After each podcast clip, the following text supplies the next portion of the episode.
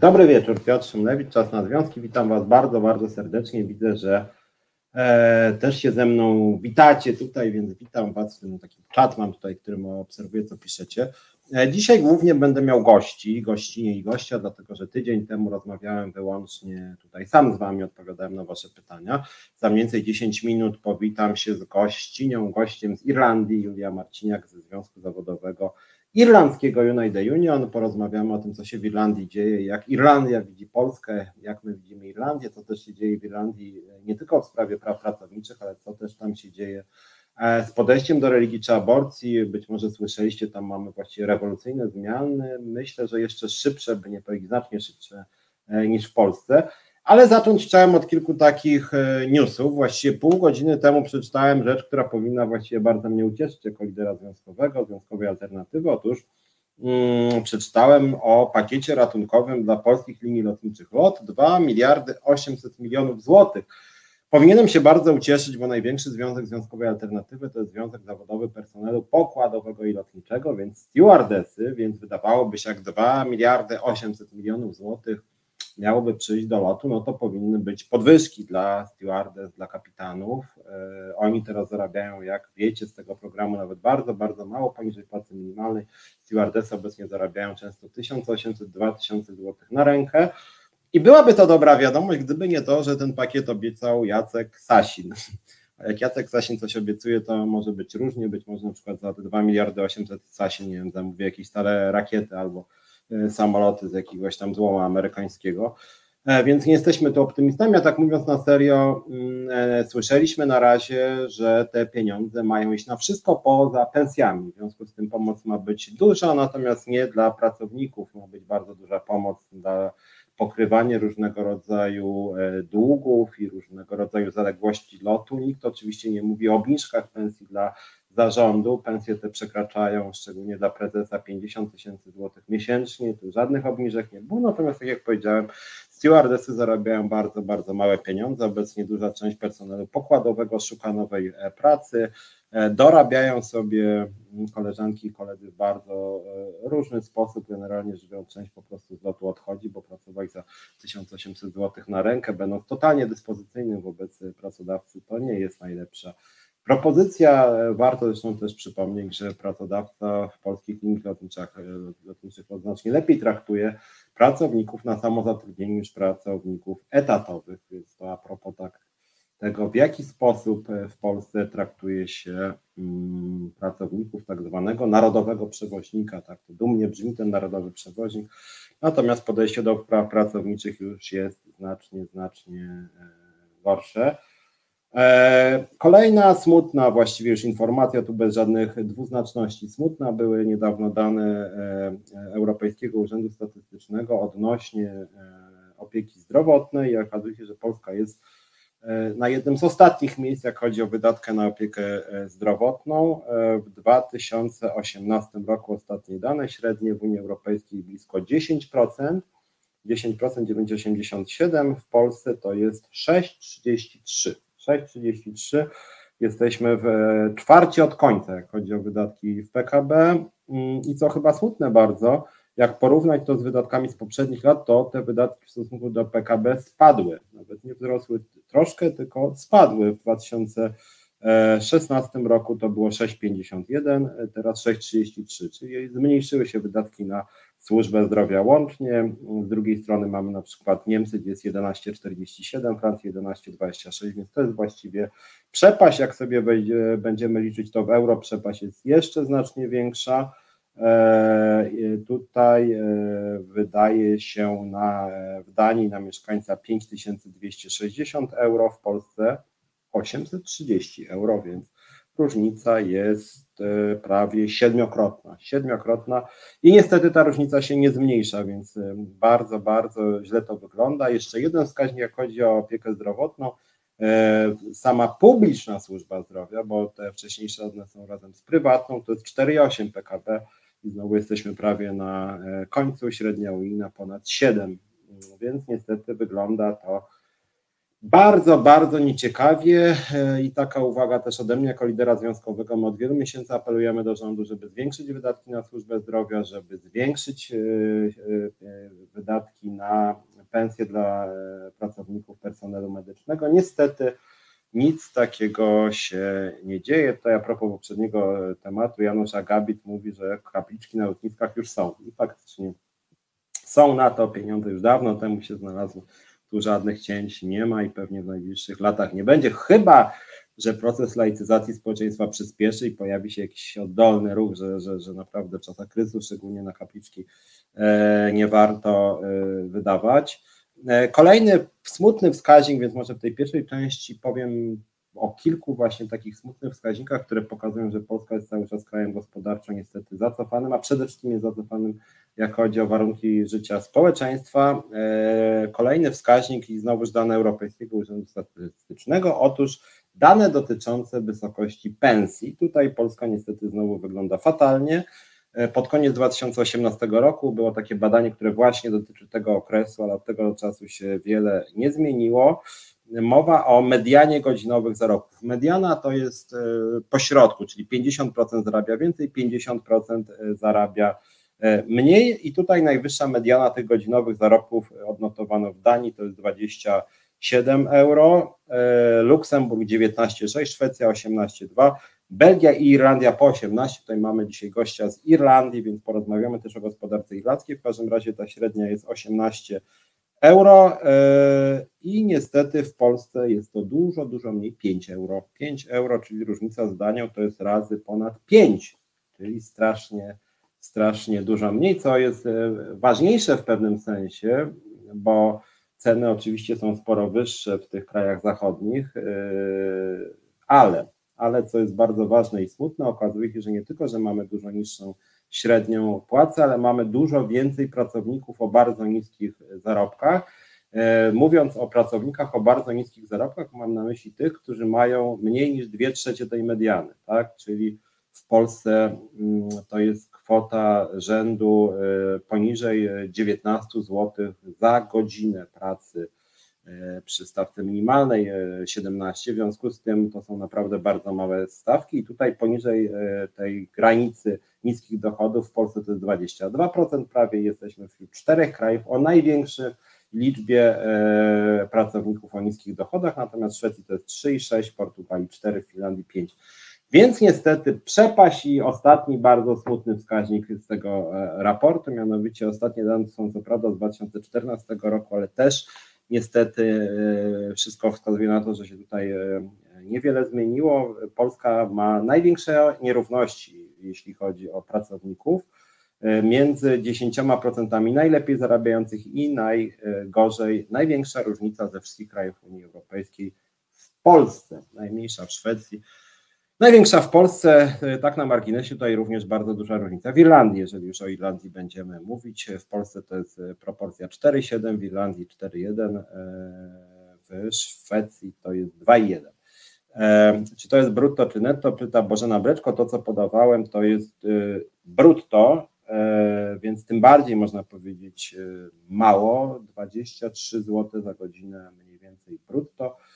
No czyli na rękę to jest jakieś 21 zł, tak? To jest mediana. No w związku z tym to, to samo w sobie nie jest dużo, a jeszcze jest y, ponad 20% tych, którzy zarabiają dwie trzecie tego, tak? Więc mamy naprawdę e, bardzo, bardzo e, niskie dochody.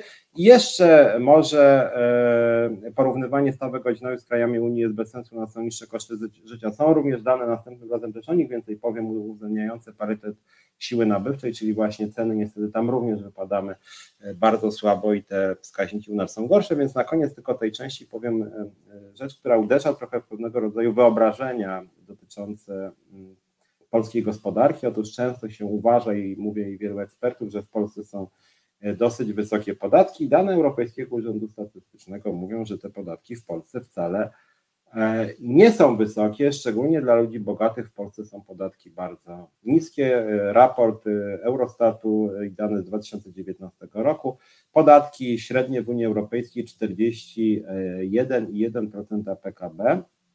Najniższe w Irlandii, skąd 22,7% w Rumunii, Bułgarii, najwyższe we Francji, Danii, Belgii, w Polsce 36%, czyli o ponad 5 punktów procentowych mniej niż wynosi średnia unijna. To są może cyferki, które dla Was brzmią trochę abstrakcyjne, ale jak przełożymy to już na bardziej konkretne rzeczy, to powiem Wam tak, że jeżeli w Polsce byłyby podatki łącznie ze składkami wysokości średniej unijnej, to do budżetu, do finansów publicznych trafiałoby rocznie ponad 100 miliardów złotych. Ponad 100 miliardów złotych, a program Rodzina 500 Plus to jest niecałe 40 miliardów złotych, więc gdybyśmy mieli podatki takie, jakie ma Unia Europejska, to naprawdę byłoby dużo, dużo więcej pieniędzy.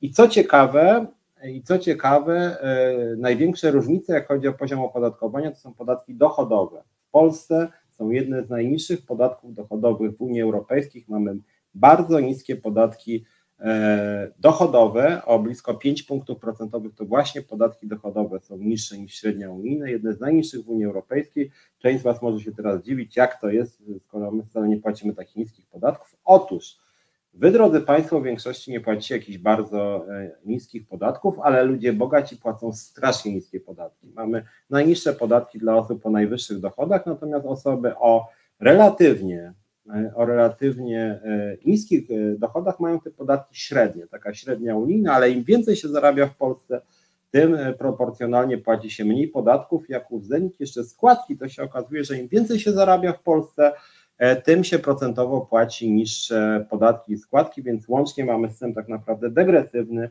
to znaczy osoby najbogatsze płacą procentowo niestety najniższe podatki, więc system jest bardzo niesprawiedliwy.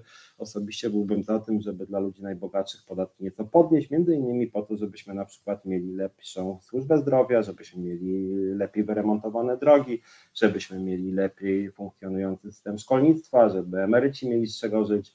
W związku z tym rzeczywiście potrzeb jest bardzo dużo, natomiast rzeczywiście system podatkowy mamy bardzo niesprawiedliwy, więc to gwoli wprowadzenia kilka takich danych, a teraz już chciałem, to jest w końcu program związkowy, to jest program Czas na Związki, więc dzisiaj będziemy mówić między innymi, by nie powiedzieć głównie o Irlandzkim Związku Zawodowym United Union. Julia Marciniak nam o tym związku opowie. Zróbmy teraz króciusieńką przerwę i później się słyszę i widzę z Julią, którą Związkowa Alternatywa od kilku tygodni e, współpracuje. Króciutka przerwa.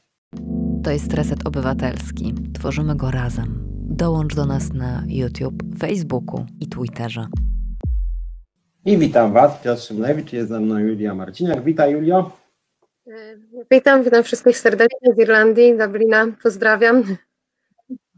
E, Julia Marciniak jest e, z Irlandii Centrali Związkowej United Union. My w jakimś momencie się poznaliśmy, o ile pamiętam, Julia napisała do Związkowej Alternatywy, zaczęliśmy rozmawiać jako lider, Julia jako liderka więc e, jako jedna z liderów zaczęliśmy rozmawiać o współpracy naszych związków, zaczęliśmy rozmawiać o sytuacji w Polsce, o sytuacji w Irlandii i za chwilę do tego wrócimy, bo też e, nie wiem, czy słyszałaś, w tej pierwszej części mówiłem o tym, że w Irlandii się dużo zarabia, że są duże nierówności i że są niskie podatki. Tak to wynikało z tego, co e, na razie powiedziałem. O rynku pracy nie mówiłem wiele.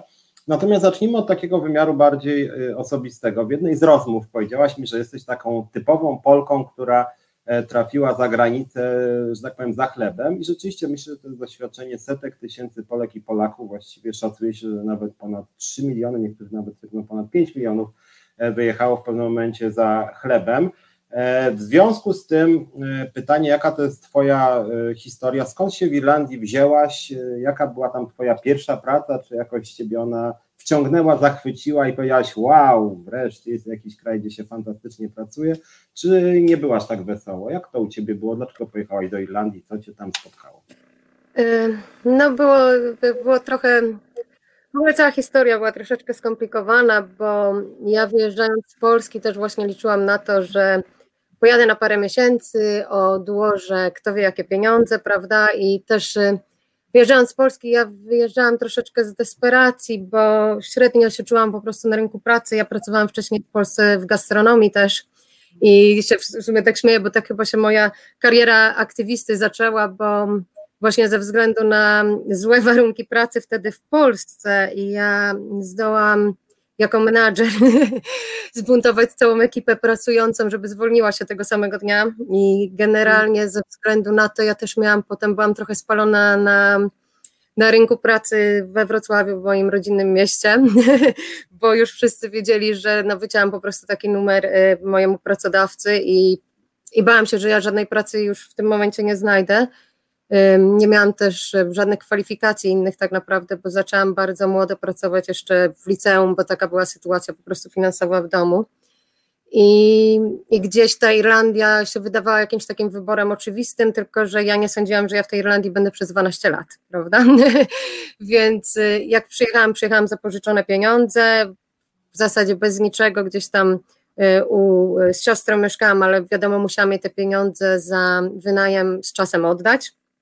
No i te długi jakby dosyć, że przyjechałam też w 2008 roku, i przyjechałam akurat na początek recesji, żeby mi było weselej, więc jakoś znalezienie pracy nie zajęło mi długo, może 4 tygodnie, 6 tygodni, nie pamiętam, ale w momencie, w którym już jesteś miesiąc z rentem do tyłu i jeszcze jesteś dłużny za bilet, no to to już się zaczyna robić trochę tak niefajnie, no bo ani wrócić, ani zostać, trzeba by było pożyczyć pieniądze, żeby wrócić.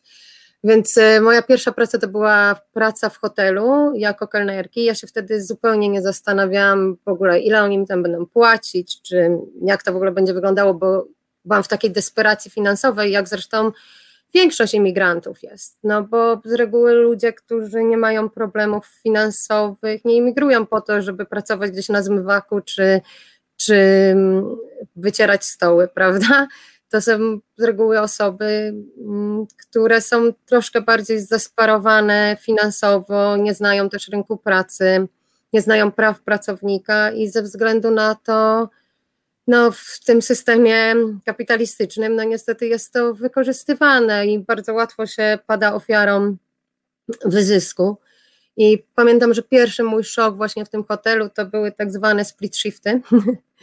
I split shift polegał na tym, że się przychodziło do pracy dwa razy dziennie. No i przychodziło się na przykład od 6 do 12, od 6 rano, no i trzeba było wrócić od 5 do zamknięcia, prawda? No i to był dla mnie szok, że w ogóle coś takiego jest legalne, no ale jest i jest legalne do tej pory. Są wiadomo tam regulacje takie, żeby między jedną zmianą taką dobową, a drugą było 11 godzin przerwy, ale większość pracodawców tego nie respektuje. Pracownicy, szczególnie z gastronomii, jest, gastronomia jest sektorem jakby najmniej uregulowanym.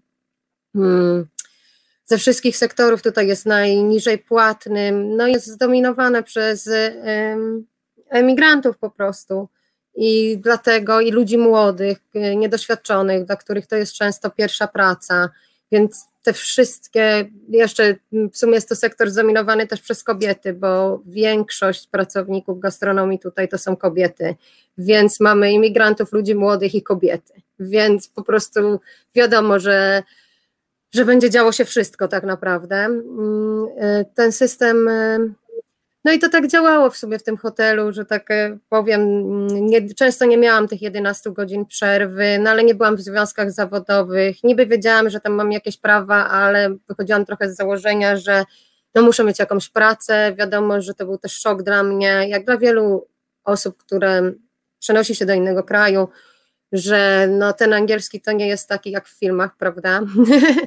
że Irlandczycy mają też swój akcent, że w sumie pracujesz głównie z obcokrajowcami i każdy z nich ma swój akcent. I zajmuje troszeczkę czasu, żeby się przyzwyczaić do tego, że no, ludzie jednak nie mówią tak jak w filmach. I no, jest kolosalny stres przede wszystkim, na czym pracodawcy żerują do roku czasu, tutaj do 12 miesięcy zatrudnienia, w zasadzie możesz być zwolniony. Bez, nie ma po prostu. Jeżeli jesteś zwolniony na podstawie dyskryminacji bądź Twojej działalności w związkach zawodowych, e, bądź ze względów na to, że, że jesteś w ciąży, czy coś takiego w takich ekstremalnych sytuacjach, ale generalnie pracodawca możecie zwolnić bez powodu. Więc po tym roku, jakby to jest moim zdaniem, to jest taki pierwszy rok, w którym się tego pracownika łamie, prawda? Bo jeżeli przez te 12 miesięcy bałeś się cokolwiek powiedzieć, no wiadomo, że dalej nie wiem, masz te prawa pracownika, ale boisz się, no bo wiadomo, coś tam może wyjdzie z tego um, prawnie z czasem, ale jeżeli będziesz się skarżyć, to mogą cię wywalić, no to zaczyna się takie, a po 12 miesiącach już człowiek po prostu nie ma siły, to już zaakceptował tę sytuację taką, jaka jest. No w każdym razie w tym hotelu miałam bardzo mało, e, miałam oczywiście minimalną krajową, tak jak wszyscy. Pamiętam jeszcze taką sytuację, która do tej pory mnie jakoś tak e, czepie, bo jeszcze wtedy nie, mm, nie wiem, już wtedy się trzeba było organizować tak naprawdę i tak mi jest żal, że ja jakoś tych ludzi, ale mówię, sama miałam swój stres i sama nie potrafiłam jakby e, sprostać tej sytuacji. I pamiętam, że sprzątaczki tam właśnie kupowały same środki czystości. I ja mówię, ale jak to ty przynosisz, wiesz, swój płyn, w ogóle hotel czterogwiazdkowy, niepełny, zresztą myśmy pękali w szwach, ale cały czas były obcinane godziny, ilość pracowników, prawda, nawet nam tam obniżyli, bo właśnie wcześniej chyba zarabialiśmy więcej, 20 centów więcej niż minimalna krajowa, więc y, obniżyli nam to ze względu na recesję, no i właśnie te dziewczyny nie miały tych środków czystości. Ja mówię, czemu ty to przynosisz za własne pieniądze, to kupujesz, bo to jest, wiesz, no niepojęte, no przyjeżdżamy z Polski do Irlandii, no przecież powinno być super, nie? A tu sprzątaczka musi przynosić własne środki czystości. No mówisz, słuchaj, poprosiłam tę superwajzorkę tyle razy, no nic się nie zmienia, oni nie mają niby pieniędzy, a ja wiesz, wydam te euro 50 na jakiś tam płyn do szyb i wiesz, jak mi to ułatwia pracę, bo ja bez tych środków, no to ja, ja, ten pokój po prostu muszę się zaorać na śmierć, żeby to wyczyścić, prawda, czy nawet głupie lustro wyczyścić bez, bez płynu do mycia szyb. No i tak to wyglądało jakiś czas, no ja zmieniałam pracę, cztery, chyba cztery lata tam byłam, bo się bałam, bałam się wszystkiego, tak jak no wielu, wielu Polaków i wielu, wiele osób po prostu mm, spoza Irlandii w podobnej sytuacji, y, które szuka zatrudnienia właśnie tutaj. No i, i potem właśnie zaczęłam pracę zmieniać. Zmieniałam pracę w sumie wielokrotnie, bo już jak, jak się raz zacznie, to, to, to już się szuka czegoś dobrego. No i trafiłam z kolei do jednego z takich bardziej znanych tutaj właścicieli pubów, hoteli, no on tam chyba tych miejsc ma, nie wiem, około 10 czy 15, jeden z najbogatszych osób tutaj w Irlandii. No i pracowałam tam 4 lata do momentu, w którym się rozchorowałam. No i się rozchorowałam i na miejscu od razu z miejsca zostałam zwolniona, prawda? No i ludzie tak wiesz, no jak to, to jest nielegalne i wiele osób jakby wychodzi z tego założenia, no tak, no jest nielegalne, tylko jeżeli czegoś nie zgłosisz i nie zaczniesz o to walczyć, to nic się z tym nie stanie. To trochę tak wygląda, że no, zostałeś okradziony, nie złożyłeś raportu na policję, nic się nie będzie działo, prawda? Bo ludzie, a jak on mógł tak zrobić po cztery latach? No, no mógł i, i wielu pracodawców teoretycznie nie mógł, prawda? No ale ja w każdym razie wtedy pozwałam tego pracodawcę i Pozwałam go z wielu różnych względów i trochę się zaczęłam interesować już wtedy prawem pracy bardziej, więc już um, poznałam, go praktycznie o wszystko, o, o, co się dało, jakieś tam zmuszanie do, um, do nadliczbowych godzin, gdzieś tam, gdzie po 55 godzin nieraz w tygodniu pracowaliśmy, jakieś tam przerwy, brak kontraktu, no wszystko, co, co się dało, no i oczywiście za zwolnienie um, mnie bezprawne. Yy, i wygrałam tę sprawę. Ale jakoś jeszcze wtedy też nie byłam w związkach, więc to dla mnie było takie, więcej mnie to stresu kosztowało i, i, i wszystkiego, tylko że ja to wzięłam po prostu bardzo personalnie w tamtym okresie czasu. No i gdzieś potem się zaczęła znowu moja tułaczka po różnych pracach, gdzie w niektórych spędzałam, nie wiem, tydzień, dwa. Jeszcze to jest takie śmieszne, że wiesz, pracujesz gdzieś tam, nie wiem, w hotelu pięciu, pięciogwiazdkowym i i w zasadzie no, jesteś traktowany jak kompletny śmieć i to, co mnie też uderzyło właśnie tutaj w Irlandii i co jest bardzo częstą praktyką, to jest to, że napiwki są po prostu kradzione y, pracownikom i, i zdarzało się to w wielu miejscach, w których pracowałam. I dlatego może też pracowałam tak długo na przykład w warunkach, które były zupełnie niemożliwe do zaakceptowania tak naprawdę, bo pracowałam dla człowieka, który um, upokarzał nas w straszliwy sposób. Ale wyzywał... w sensie pracodawca przejmował napiwki? E, pracodawca przejmuje napiwki. Pracodawca przejmuje napiwki, bądź menadżer, po prostu tak jakby ta osoba, która dostaje napiwki, no jest ich pozbawiana, prawda? Albo niby są dzielone niby są dzielone przez kogoś tam, ale nigdy nie wiesz, ile tak naprawdę tego było. I tak wiesz, tak sobie nieraz liczyłam to i ja przez myślałam, o patrz, przeszło 100 euro dzisiaj, a pod koniec zmiany dostawałam 10, prawda? No i, i też nie chcę, bo tutaj wiadomo, że te 10 euro na polskie warunki, no to gdzieś tam się przelicza, że to będzie prawie 40 zł, ale tutaj minimalna krajowa to jest 10-10 na godzinę, no to to jest prawie tak jak, wiesz, jakbyś miał 10 zł, czy, czy coś takiego, to nie są tak naprawdę pieniądze, które są w stanie ci cokolwiek zaoferować, biorąc pod uwagę też, że że wiesz, że kontrakty, szczególnie w gastronomii, najczęściej są to kontrakty na tak zwane flexi parent time. No to masz pół etatu, że niby ci mogą, muszą zagwarantować 20 godzin i ale nigdy nie masz jakby całego etatu, więc oni tym strasznie manipulują, bo za pół etatu nie jesteś w stanie wyżyć. No i z reguły jest tak, że przeważnie a i tak dostajesz 40 godzin, ale nie masz tego na umowie, więc jeżeli byś chciał pożyczkę na przykład dostać czy cokolwiek, no to już jesteś przegrany. No i jednocześnie można cię karać, nie? No bo jeżeli się na coś skarżysz, no to się zaczyna, że na przykład w przyszłym tygodniu nie dostaniesz tylu godzin, ale też jest tak, że możesz dostać tych godzin, nawet nie musisz dostać tych godzin 20. No bo jak dostaniesz tych godzin, nie wiem, 15 czy 10, a się nie poskarżysz, a wielu ludzi się boi poskarżyć, no bo większość osób nie jest też w związkach zawodowych, więc nie ma jakby takiej solidarności pracowników między sobą, że my teraz tutaj wszyscy gdzieś idziemy, więc wszystkich nas nie wyleją jednocześnie, prawda? Tylko jest jedna osoba, no i ona się skarży i w tym momencie jakby, no może, może bardzo łatwo zostać yy, wyeliminowana czy ukarana i nawet przez te parę tygodni, jeżeli dostaniesz 10 godzin, no to zazwyczaj siedzisz cicho, prawda? Bo to się kiedyś tam skończy i może im przejdzie, albo wiele osób na przykład ma tak, że zmienia pracę, nie? I sama przyznam się ze wstydem, że wielokrotnie jednak miałam tak, że wiesz, nie, nie będę tu siedzieć, zamiast konfrontować zamiast konfrontować po prostu tych pracodawców i przez to, że oni nigdy nie są konfrontowani tak naprawdę, no to robią sobie z ludźmi mm, co chcą. No ale w końcu, że tak dojdę, staram się dojść, bo już gadam i gadam, staram się dojść do, do sedna sprawy, jak to się stało, że ja zaczęłam pracować w związkach. No to stało się tak, że w pewnym momencie zaczęłam pracować w restauracji takiej nowo otwartej, która miała być taka mega ekskluzywna. Oni wydali tam w ogóle miliony na promocję i mm, generalnie to się nazywa mm, The Ivy Restaurant. W Londynie to oryginalne Ivy, to tam w ogóle jacyś celebryci chodzili i, jest tak mega ma reputację, super po prostu. Niesam, Y, niesamowitej y, po prostu restauracji, nie wiadomo jakiej.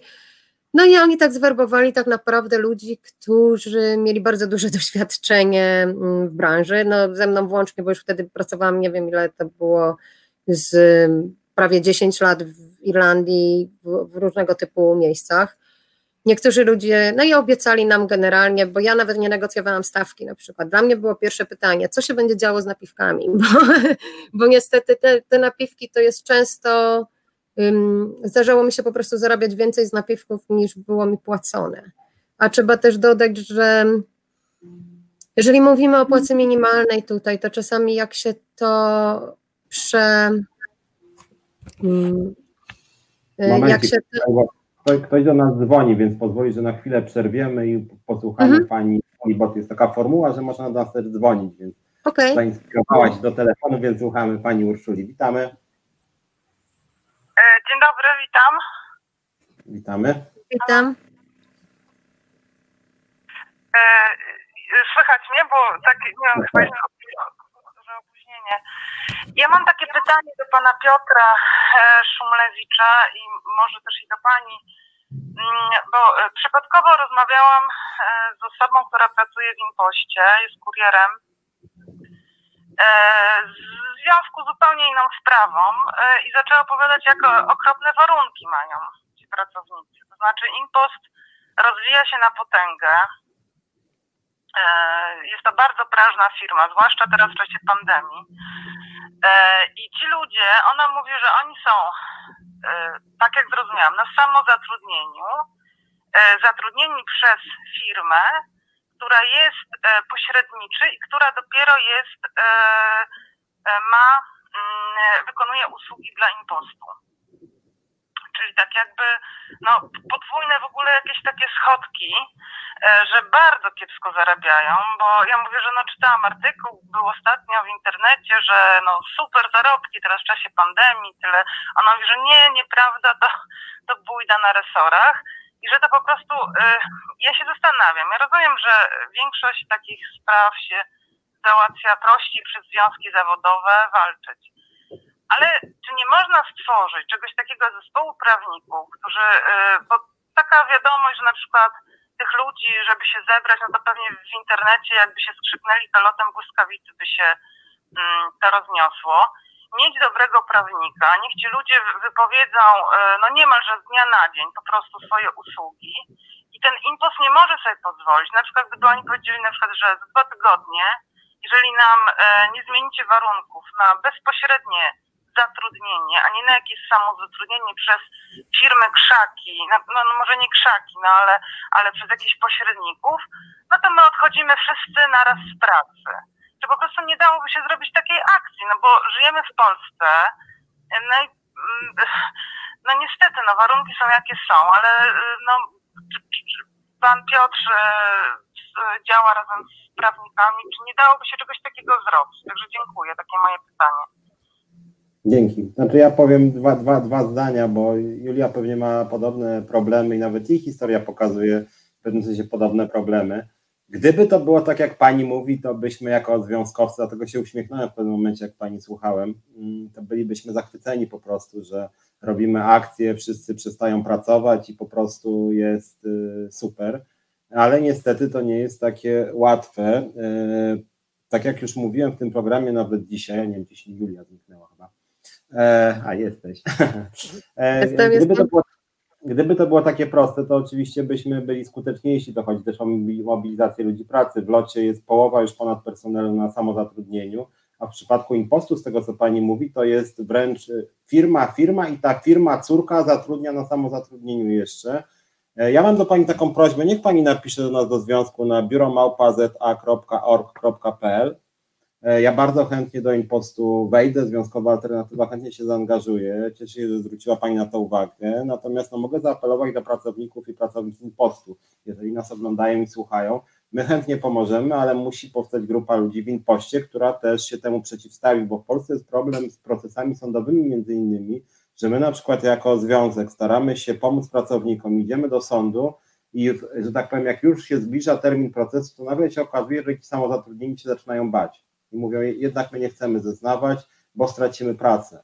A polskie prawo pracy działa w ten sposób, że musi być konkretna osoba, konkretna osoba, która zezna, że jest na wymuszonym samozatrudnieniu, którego nie chce, i dopiero wtedy można taką sprawę wygrać. W związku z tym ja bardzo do Pani apeluję, jak Pani ma znajomych, jak Pani sama ma coś związek z impostem, niech Pani z nami porozmawia, my chętnie damy obsługę prawną, natomiast musi się znaleźć kilka osób z impostu, tych samozatrudnionych, żeby oni po prostu zeznawali. My bardzo chętnie wtedy pójdziemy do inspekcji pracy, chętnie pójdziemy do sądu. Natomiast wracam do Julii. Mówiłaś o tym, jak. e, jak No, Mówiłam, tak, mówiłam, trochę się wciągnęłam tutaj teraz w tę w te rozmowę, tutaj w to Tak, tak. pytanie też. No ważne jest też że mm, po prostu w jedności siła, nie? że im więcej osób z impostu po prostu stanie razem, no to jest tak, że jednak łatwo jest gdzieś tam pojedynczą osobę sobie wybrać i, i ją zwolnić, a dużo jest ciężej zwolnić wszystkich. I, I po prostu, no naprawdę, i w jedności siła, i rzeczywiście, no to jest chyba najważniejsze, żeby oni wszyscy byli na tym, bo wszy- wszystkim się nie podoba, ale wiem sama z tego, jak z mojego doświadczenia organizowania miejsc, no nie podoba się, ale nie zrobimy nic, nie? Albo poczekamy, aż te dwie, trzy osoby będą walczyć, i może coś wywalczą, to my też z tego też będziemy skorzystamy, Mhm. a jak ich zwolnią, no to my przecież utrzymamy pracę, więc jest super, nie? Więc to jest ważne, żeby ludzie jednak wspierali siebie nawzajem i walczyli razem o, o dobro dla ich wszystkich, prawda? No ale że tak wrócę, przepraszam, bo się tak, tak rozkojarzyłam z tym, no bo mówię też, za kilka osób, najlepiej wszyscy i to naprawdę, ja wiem, że to, to są cuda, y, Wtedy naprawdę, można, jeżeli... zrobić, wtedy można też pozew zbiorowy zrobić, razem do sądu. Dokładnie. No i wtedy jest jakby jest też bezpieczniej, prawda? Nie dość, że ma większą siłę, to jest bezpieczniej też dla pracowników po prostu. Mm, No, ale że tak wrócę, no to właśnie zaczęłam pracować w tej restauracji, gdzie już pierwsze pytanie na interwiu, ja się zapytałam, co się będzie działo tam z napiwkami. O, oczywiście tam będziesz miała swoją sekcję, no i napiwki z twojej sekcji są twoje, 20% dajesz dla, yy, dla barmanów, tam dla food runnerów, bo myśmy jeszcze mieli osoby, które nam z kuchni jedzenie przynosili, przynosiły.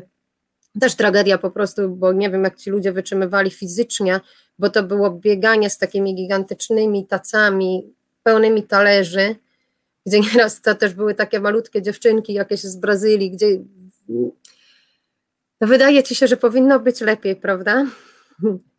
Że wiesz, że, że tu Irlandia, tu Polska, no i wiadomo, że my też jako Polacy często lubimy o sobie myśleć, że w Polsce jest strasznie. W Polsce y, nie jest różowo, ale nie jesteśmy najgorszym, po prostu, niestety jakby jest taka tendencja na świecie teraz, że ten wyzysk pracowników jest coraz większy i to wszystko idzie troszeczkę w, w złym kierunku i, i, i dlatego no to było szokujące dla mnie też, że, że właśnie tak e, fizycznie ciężka, ciężka praca właśnie tych food runnerów, którzy tam donosili te, te jedzenie piętro, biegając po prostu cały dzień po schodach, praca mordercza tak naprawdę i to za minimalną krajową, nie?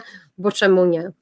No i że 20% właśnie będzie dla tych ludzi zostawiane przeze mnie, więc no nie, ja nie miałam z tym absolutnie żadnego problemu, ale co się okazało już chwilę jakby po otwarciu, że niby wszystkie napiwki z tych kart kredytowych, gdzie tego była większość, bo restauracja była droga, więc te rachunki za dochodziły do kilkuset euro, więc ludzie zostawiali, wszystko płacili kartą. No, zaczęły bardzo dziwnie wyglądać, prawda? Bo pierwszy miesiąc nam jeszcze chyba zapłacili, drugi też, ale to były jakieś żałosne pieniądze, które w żadnym razie nie były odzwierciedleniem tego, bo wiadomo, ja brałam też płatności od, od tych ludzi osobiście, to widziałam, że ktoś zostawił, nie wiem, 20, 30, 50 euro, bo to też taka trochę snobostyczna restauracja i, i te napiwki były naprawdę duże, a potem nagle dostajemy, nie wiem, za cały miesiąc pracy, gdzie akurat w Ivy to chyba zrobiłam w miesiąc 200 godzin pierwszy i tam e, też pracowaliśmy po 14 godzin, na przykład 14 godzin, 15 godzin bez przerwy, mieliśmy kamerę w, w, w szatni, która była koedukacyjna zresztą, więc się przebieraliśmy po prostu wszyscy przez wszystkich i jeszcze przed kamerą. No i sytuacja generalnie zaczęła eskalować, bo oni powoli, kelnerzy nie chcieli dawać po prostu opcji też ludziom, żeby, żeby zostawili napiwek na kartę. No i wiadomo, że firma zaczęła się po prostu tam trochę burzyć, no bo nie miało już tyle tych napiwków na kartę, więc oni zaczęli różnych tam sposobów, no i generalnie stwierdzili, że my nic nie będziemy już dostawać, że nie będziemy dostawać ani service charge'u, czyli tego, bo większe grupy miały jakby wliczony napiwek, ani nie będziemy dostawać żadnych napiwków z kart, bo w ogóle zostaliśmy jakoś tak przedstawieni, że kelnerzy to wszystko nakradli i tak dalej. No i już wtedy nam nerwy zaczęły puszczać i nie wiedzieliśmy, co zrobić, nie? Żadne z nas nie było w związkach zawodowych, nie wiedzieliśmy, gdzie gdzie co, jak, no co teraz zrobimy, no ludzie porzucali pracę, idą święta, cholera, ci kradną wszystko, my praktycznie wszyscy prawie na stawkach minimalnych, albo tam, nie wiem, euro więcej i tak dalej. Straszny ruch i wyjątkowo ciężka praca, często właśnie tak jak wspomniałam, bez przerw, co my teraz zrobimy.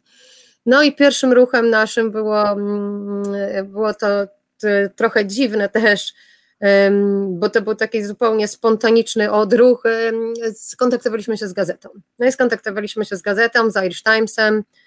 No i jaka była sytuacja i co się dzieje z tymi pieniędzmi, no, że my tych, pieniędzy y, nie widzi, y, my tych pieniędzy nie widzimy i generalnie oni troszkę próbowali, oni po prostu próbowali mm, to obchodzić też tak, że my niby dostaniemy te pieniądze, bo oni kradli praktycznie prawie wszystkie te napiwki, jakiś tam mały procent przeznaczali na to, żeby mm, nasze pensje, które mieliśmy w kontraktach, równać. Czyli ja na przykład zamiast 100 euro dziennie z napiwków, brzmi to strasznie, jakbyśmy jakby była, no ale takie, takie są realia pracy w porządnej restauracji po prostu, że takie, no taką kwotę jest dosyć łatwo osiągnąć, bo no, obsłużysz więcej niż 10 stolików, no tam są akurat, dlatego ta praca wydawała się tak niesamowicie fajna, prawda? no to ja na przykład dostanę zamiast tej stówy, to ja dostanę 7 euro, bo mi płacą 70 centów więcej niż, niż minimalna krajowa, prawda? No i pojawił się artykuł w gazecie, my tam oczywiście wszyscy byli anonimowo, bo już Ivy było chyba przygotowane na to i w moim kontrakcie było, że my nie możemy nie, żadnych e, publicznych e, oświadczeń na temat tej restauracji wygłaszać bez aprobaty menadżer, menadżerów, co, co możemy powiedzieć, czego nie. No i się zaczęło robić głośno, nie? No i nagle się okazało, że wiesz, tam jakaś grupka mała ludzi się zaczęła buntować i nagle cały kraj o tym mówi, nie? No bo taka była wielka restauracja, oni się tak reklamowali, a tu nagle wiesz, okradają tych kelnerów i co się dzieje? No i przez tam tydzień, dwa rzeczywiście się ludzie pytali nas, czy, czy tam płacić na tę kartę, czy zostawiać gotówkę, czy co się dzieje, no i zaczęła się już taka dyskusja, no ale to po tygodniu, dwóch ucichło, no i my dalej byliśmy w takim, e, w takim, ja jeszcze w międzyczasie chyba zostałam zostałam zdemotywowana, tak? Jak to się nazywa, jak masz um, um, obniżono mi stanowiska, więc zamiast z kelnera zrobiono mnie futranerem za karę, bo, bo komuś powiedziałam o, o tym, żeby przeczytał gazetę, nie? No to więc ja zostałam tym futranerem no jakiś czas, ale to też było zabawne, bo, bo generalnie odmawiałam robienia czegokolwiek, bo ze względu na kręgosłup nie mogę dźwigać, więc, więc sobie tam odpoczęłam i trochę zaczęłam już buntować też staw y, w kuchni, pracowników kuchni, nie? więc mi się to przydało. No ale y, w końcu, no, ponieważ to dalej nigdzie jakby nie szło, no to skontaktowaliśmy się z posłanką Independent for Change no i ona dopiero nas skontaktowała ze związkami zawodowymi. No i tak ja poznałam mojego obecnego szefa. No i zaczęliśmy się zastanawiać, no o co chodzi, co się dzieje, co możemy robić. No i jak już przyszliśmy jakby na to spotkanie, to było kto będzie mówić, no ja będę mówić, nie? Ile nam kradną, co nam kradną. Um, I generalnie generalnie po jakimś czasie miałam spotkanie z ministrem pracy, nie? gdzie też, no, mówię, z jakiejś takiej historii, o zwykła kelnerka sobie przyjechała, no gdzieś mi związki zawodowe stwierdziły, dobra Julia, to wiesz, napisz tam jakiś raport, co się dzieje, no to raport, ja nawet nie wiedziałam, że to jest raport wtedy, nie? Ja po prostu pisałam, jakie tam było doświadczenie, tu kamera, tu to, tu tamto, no i Unite też zaczął ich już konfrontować, nie? I to nie było, że mm, tylko, że ja jakby już byłam za oczywista w tym, bo ja zaczęłam organizować związki bardzo mm, no dosyć jawnie, nie? No bo to jest y, moje prawo konstytucyjne tu, żeby należeć do związków zawodowych.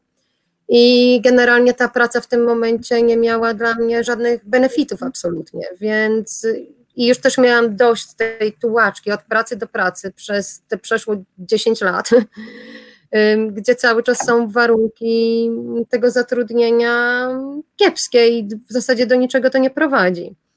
No i mm, spotkałam się właśnie z tą minister pracy, no i okazało się, że no generalnie regulacji w tym zakresie, jeżeli chodzi o napiwki w Irlandii, nie ma.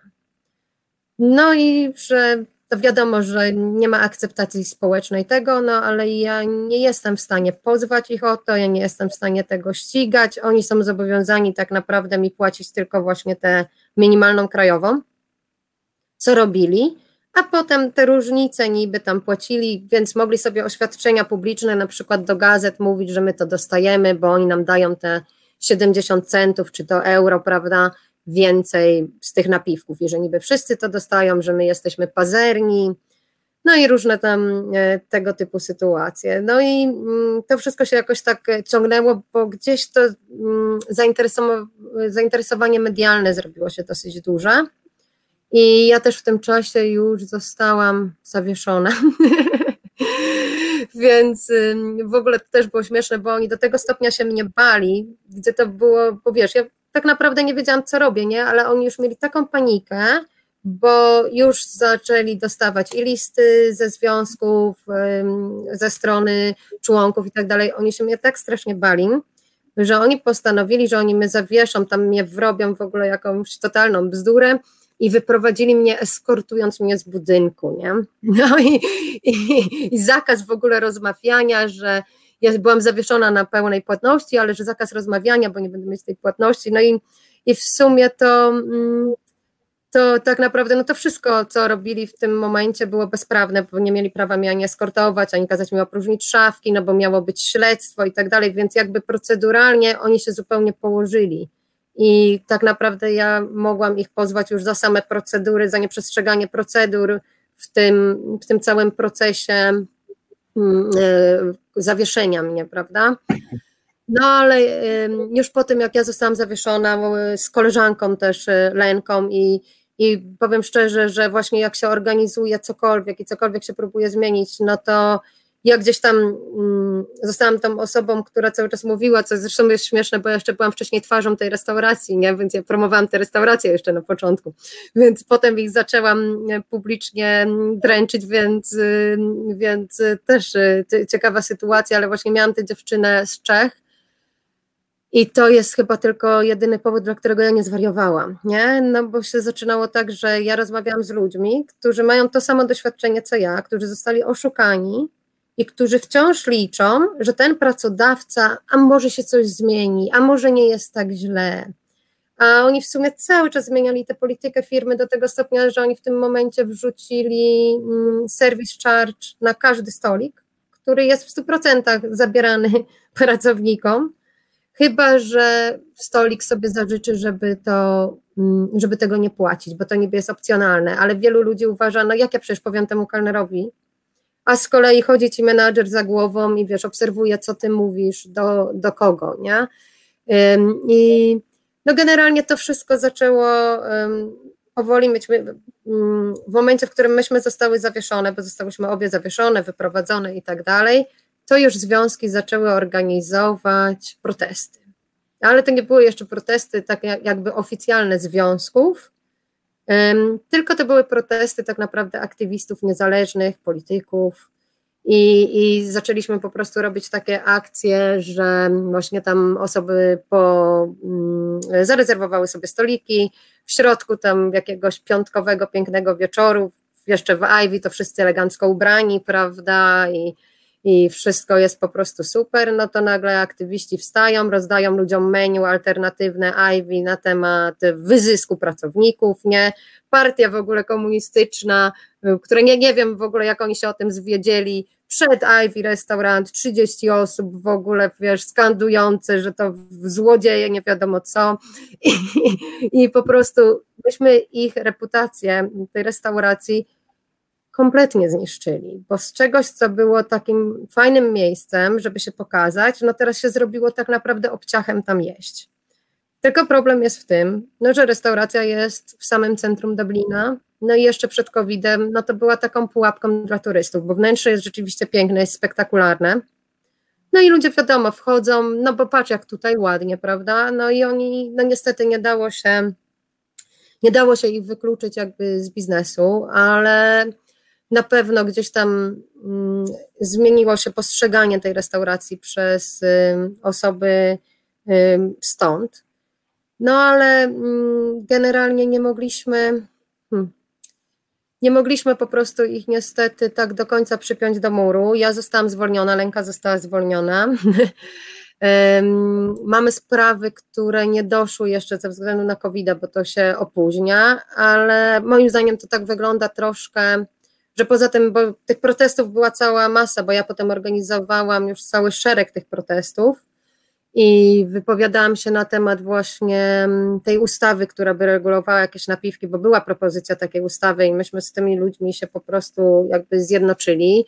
No i miałam przyjemność y, mówienia po prostu o tym, jak, jak wygląda życie kelnera w tym kraju i jak ważne jest dla nas to, żeby jednak mieć ten ekstra dochód, bo no nie masz gwarantowanych godzin, jesteś z reguły na tej y, minimalnej i po prostu te napiwki to jest twoje być albo nie być, bo w tym momencie Irlandia jest jednym z najdroższym krajów, jeżeli chodzi o wynajem mieszkań.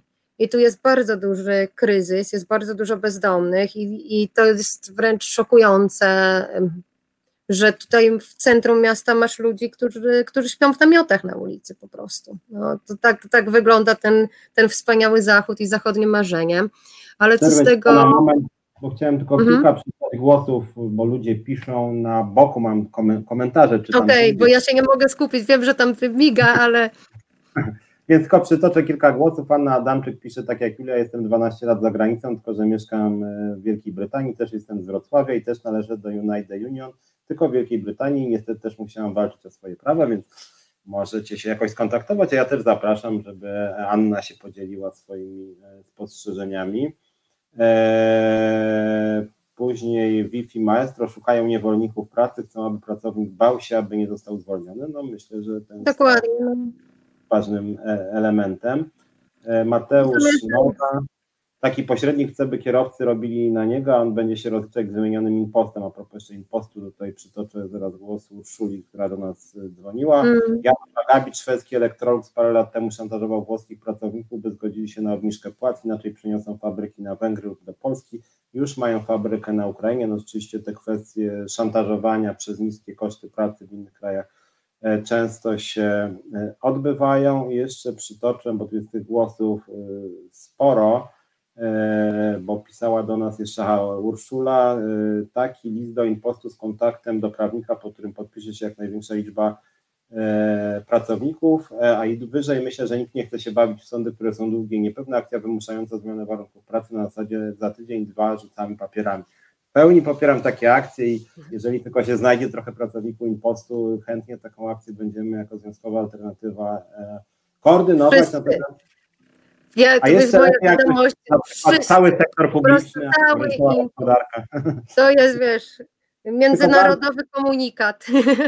Tylko, że i tutaj no, do Urszuli też taka uwaga, może porozmawiaj, czy pani porozmawia z tymi pracownikami, bo niestety solidarność często jest naszą największą bronią i zarazem największym problemem, że często tej solidarności po prostu nie ma, ludzie się boją i tak naprawdę gdybyśmy działali solidarnie, to naprawdę byłoby łatwiej wiele rzeczy załatwić. Często się okazuje, że nawet w referendum strajkowym bierze udział, nie wiem, połowa załogi, a później do strajku przystępuje 10%. No, y, niestety człowiek jest istotą ułomną, że tak powiem, my robimy co możemy, żeby ludzi dynamizować, natomiast w Polsce, gdzie to prawo pracy jest jednak bardzo elastyczne, z tego co mówisz Julia, w Irlandii też, bardzo trudne są takie akcje strajkowe, bo ludzie bo- boją się, że po prostu następnego dnia stracą pracę. To ludzie się boją, bo hmm, ja jeszcze tak, bo tak tylko to szybko za, zakończę, jak to się stało, że byłam w związkach, bo ja za długo mówię, bo to jest bardzo dużo do opowiedzenia, nie? I tak się staram. W każdym razie, no gdzieś ja zaczęłam cały czas się wypowiadać publicznie i już mi było wszystko jedno, no bo był oczywiście ten strach, nigdzie mnie nie zatrudnią i zaczęłam organizować ludzi też z innych prac, w których pracowałam i z Ivy i, i, i z innych miejsc, kogokolwiek nie znałam, nie poznałam w gastronomii, to zaczęłam ich ściągać, żeby po prostu byli w United, no i zaczęłam się wypowiadać publicznie, czy w Irish Timesie, czy, czy w radiu, czy, czy gdziekolwiek mi było dane. I w telewizji tak samo.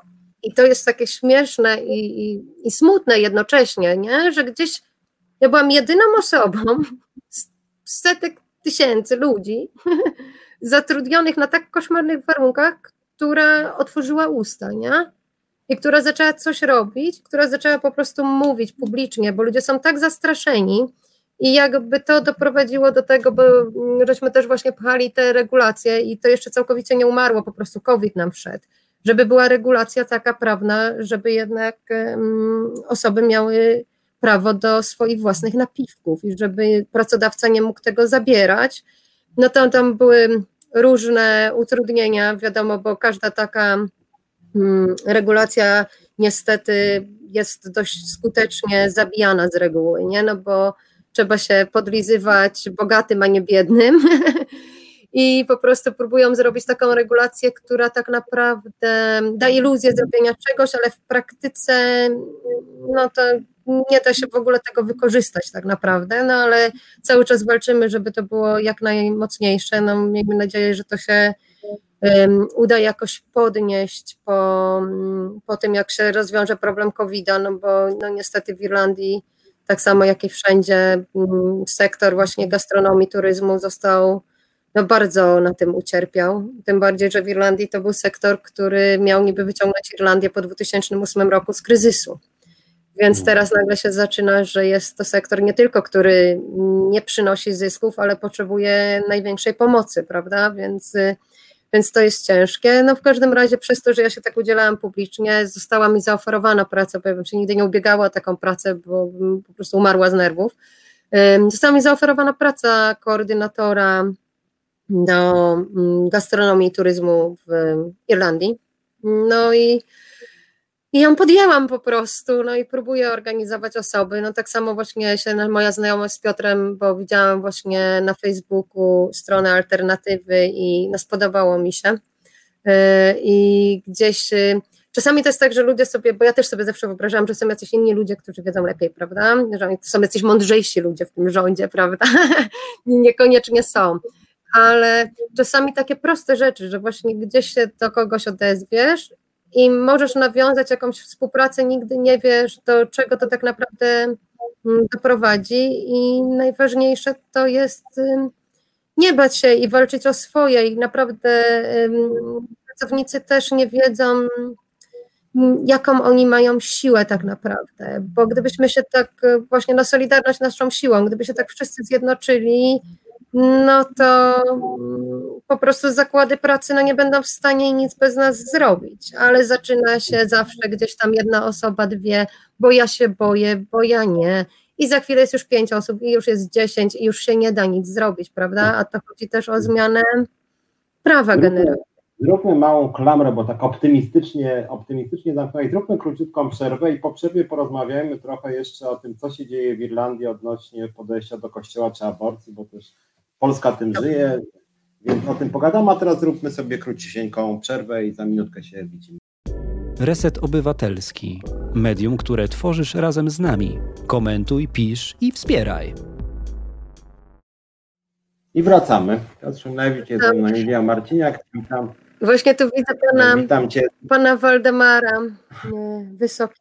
No właśnie, chciałem cię, tak, bo też cię pan Waldemar się ciebie pyta, czy przyjechałaś do Irlandii nawracać. No trochę okazało się, że tak. Przyjechałam w Irlandii, do Irlandii tak naprawdę, bo wydawało mi się, że może będę mieć tutaj lepsze życie, że jeżeli będę ciężko pracować, to może łatwiej jest coś odłożyć i jakoś godnie żyć. A w Polsce w tamtym czasie nie widziałam jakby większych perspektyw przed sobą. A to, co teraz robię, jest wynikiem tego, że ja nie chciałabym, żeby inne osoby musiały przechodzić przez to, co ja. I uważam, że to jest niekonieczne i po prostu nie chodzi o nawracanie, to chodzi o to, żeby troszkę ludzi, ludziom troszkę uświadomić, że mm, to ma znaczenie, jak są traktowani, że mogą mieć lepsze warunki, bo często jest tak, że jak nawet rozmawiam z ludźmi i wiesz, może mm, gdyby ci płacili lepiej, ale przecież oni nam płacą minimalną, że nagle ta minimalna to się stała maksymalną, że ten człowiek już kompletnie przestał marzyć o czymkolwiek innym i to ludzie mm, pracujący, bo nie mówię tutaj o jakichś małych firm, restauracjach, jakichś małych firmach, o gigantycznych firmach, które przynoszą kolosalne zyski i które są w pozycji, że mogą naprawdę tym mm, pracownikom płacić godnie. I, I no nie chodzi o nawracanie, tylko po prostu o pomoc ludziom, mm, żeby byli traktowani jak ludzie, bo, bo prawa pracownika są prawami człowieka. I, i tylko o to chodzi. Nie, nie wiem, czy to, jest, czy to jest nawracanie. Ale myślę, że nawracanie, no w sensie po prostu poprawianie warunków pracy, szerzenie wiedzy o prawach pracowniczych. No tak w Polsce i no tak teraz bardziej się czuję też tak globalnie, bo właśnie ja też miałam długo ten problem, że ja jestem z Polski, prawda? I też tam gdzieśmy kiedyś e, właśnie odmówili mi puszczenia mnie w audycji radiowej, bo mam za mocny polski akcent, prawda? Gdzieś tam mm, potem musieli oczywiście to odszczekać, przeprosić i się zrobił wielki skandal, no ale taka sytuacja była, a ja bardzo długo się też tak czułam, no co się będę skarżyć, no przecież w Polsce jest gorzej, bo mniej płacą, bo jest gorzej, bo, bo ja nie jestem u siebie, prawda? Mm, I ponieważ wiele osób jest w takiej sytuacji, że nie jest u siebie, to ten rynek pracy cały czas się pogarsza. I w Polsce też jest coraz więcej obcokrajowców, no, którzy są wykorzystywani. I tak naprawdę, jeżeli oni nie uzyskają pomocy, to ten rynek pracy pogorszy się dla wszystkich, więc musimy każdą osobę traktować um, po prostu równorzędnie, bo jeżeli mamy lepszych i gorszych, no to doprowadza do takiej sytuacji, w których ten rynek pracy jest coraz gorszy. Przepraszam, już tak tak, tak pomyślałem sobie w ogóle to rozwiązanie, może jakoś mnie zainspirujesz tutaj, bo my tak zwolna zaczynamy też y, w gastronomii działać i pomyślałem, że w Polsce też nie ma przepisów y, dotyczących napiwków ustawowych, że może warto by założyć, że jakiś procent na przykład napiwku musi iść y, do kieszeni pracownika, tak? Bo w Polsce też jest tak, że jak pracodawca jest niefajny, to zwija cały napiwek i wszystko jest zgodnie z przepisami, tak? no, dokładnie. No trzeba, myślę, że wiesz, y, nie wiem, bo słyszałam, że w Polsce było w paru miejscach, też były z tym problemy, nie zawsze yy, i nie wszędzie, bo jednak no, ludzie mają płacone tak mało, że żeby w ogóle przychodzili do pracy, no to musisz ich jakoś motywować, nie? Tylko, że dla mnie no, to jest absurdalne. Ja szczerze ja nie uważam, żeby pracodawca w ogóle cokolwiek powinien z tego brać bo hmm. on już robi zyski z tego, co jak sprzedaje. No wiadomo, jak zjesz kanapkę w restauracji, no to nie płacisz za nią 2 zł czy 5, tylko więcej, ponieważ oni robią profit. A napiwek to jest coś, co jeżeli z perspektywy klienta jest przeznaczone dla tej osoby jako ekstra. Oczywiście, że ten kelner na przykład bez kucharza nie jest w stanie wykonywać swojej pracy, czy bez marbana. I to już wtedy powinno być dzielone między pracownikami, ale tylko i wyłącznie między pracownikami, a nie pracodawcą. Pracodawca no, nie powinien w ogóle wsadzać łapy w napiwki. Jest to absurdalne dla mnie. No ale tutaj też bardzo się od razu y, Związek Hotelarzy bulwersował żeby serwis charge właśnie, ten serwis wliczony, że to jest, to powinno należeć do biznesu i że to nie jest napiwek. No jak nie jest napiwek, jeżeli ludzie traktują jako napiwek? Oni zapłacili już swój rachunek, prawda? To dlaczego no. oni jeszcze dają jakieś ekstra pieniądze, które firma także zagarnia? No przecież to jest jakiś absurd. Mm, nie wiem, no kompletny jakiś idiotyzm. No. Mówię, dla pracowników oczywiście i to wszystkich, i jakoś to powinno być ustalane też, to dzielenie przez pracowników, no bo to są takie śmieszne rzeczy, że wiesz, niektóre firmy na przykład mówią, a nie, oni wszystko dają, a kto to dzieli? I wiesz, mm. potem jak to liczysz, to to nie ma absolutnie żadnego sensu. Ale no, myślę, że, że to byłaby ciekawa, mm, ciekawa sytuacja i myślę, że no mówię, no trzeba pomagać wszystkim, bo jeżeli wybieramy lepszych i gorszych, to, to się zaczyna, no tutaj też jest strasznie, bo są coraz gorzej traktowani ludzie spoza Unii Europejskiej, gdzie mają ograniczenia wizowe, no i niektórzy pracodawcy, to też nie jest kwestia Irlandczyków, bo często też są osoby o innej narodowości i no, wykorzystują tych pracowników bezlitośnie, nie płacą im nawet za godziny, które, które te osoby pracują, nie płacą im nawet tej minimalnej, a osoby boją się cokolwiek powiedzieć, no bo mogą zostać deportowane. No i tak jakby ograniczanie czy traktowanie jednych osób no, prowadzi tylko do coraz gorszej sytuacji, a to też ma wpływ tak naprawdę na cały rynek, no bo jeżeli ktoś się zgłasza, zgadza za, na to, żeby pracować za mniejsze pieniądze, prawda, bo dostanie te pieniądze pod stołem, no to automatycznie ma to wpływ e, negatywny, no bo już taka osoba, która chce pracować legalnie, tej pracy nie dostanie, bo łatwiej jest kogoś tam oszukać i obrobić. Więc no jedyną moim zdaniem jest i no i trzeba walczyć, no i nie patrzeć na no, nie patrzeć, bo wiem, że wielu ludzi w Polsce też ma negatywny stosunek dla mm, imigrantów. I dla mnie to jest takie smutne, no bo Polacy jednak bardzo masowo emigrują z kraju, pracują praktycznie są wszędzie na całym świecie, a tutaj nagle ktoś przyjeżdża do Polski i się na niego burczy. No to jest dla mnie um, smutne bardzo, no.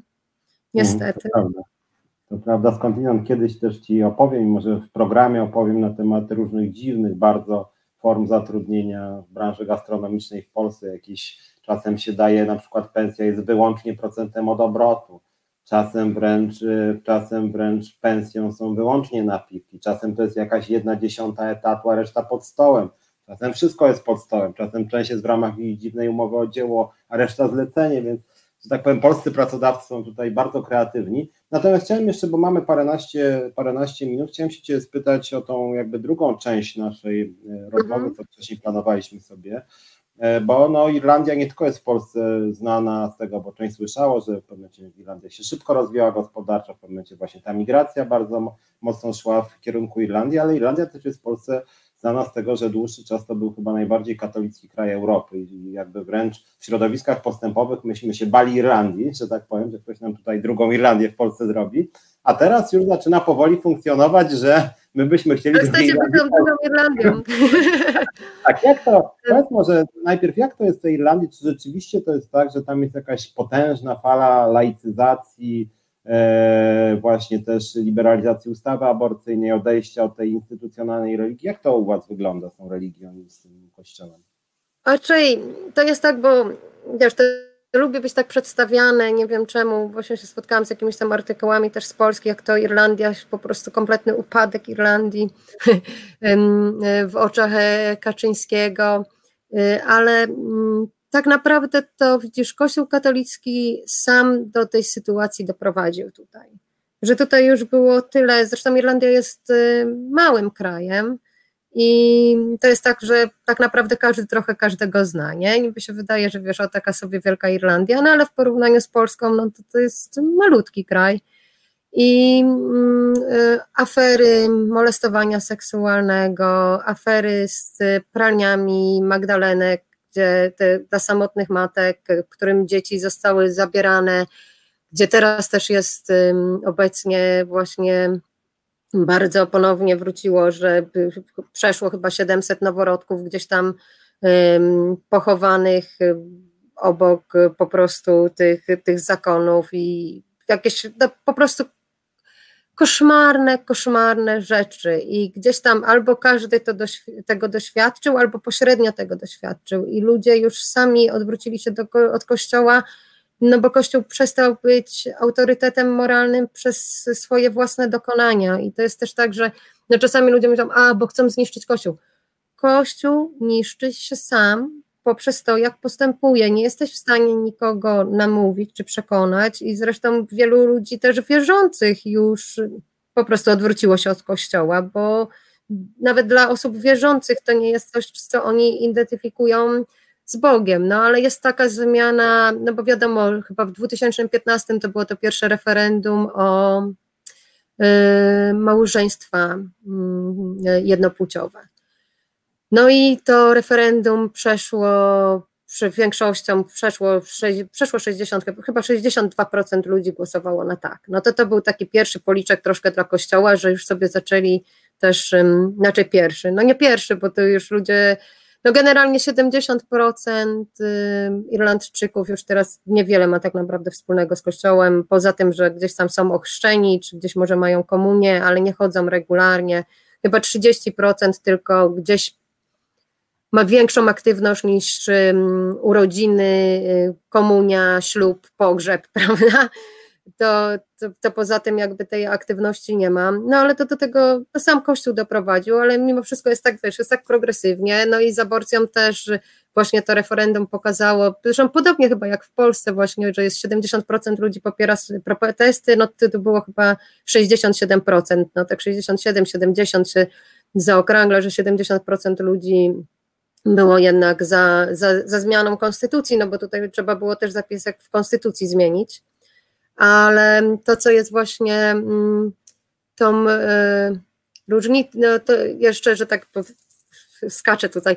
E, jeszcze to, co jest dla mnie takie szokujące tutaj z Kościołem, bo no niby tutaj właśnie już ta aborcja, już oni odeszli od Kościoła, już tak jak wcześniej Ci wspominałam, jak rozmawialiśmy, że jest pub w kościele w Dublinie, no i ludzie sobie przychodzą napić się piwka, prawda, e, do, do kościoła, i niby jest już taka rewolucja, no i te mm, y, grupy LGBT po prostu są na pewno dużo lepiej traktowane niż, niż w Polsce i mają prawo do małżeństw i, i, i generalnie jest ogromny postęp w tym kierunku w ostatnich latach.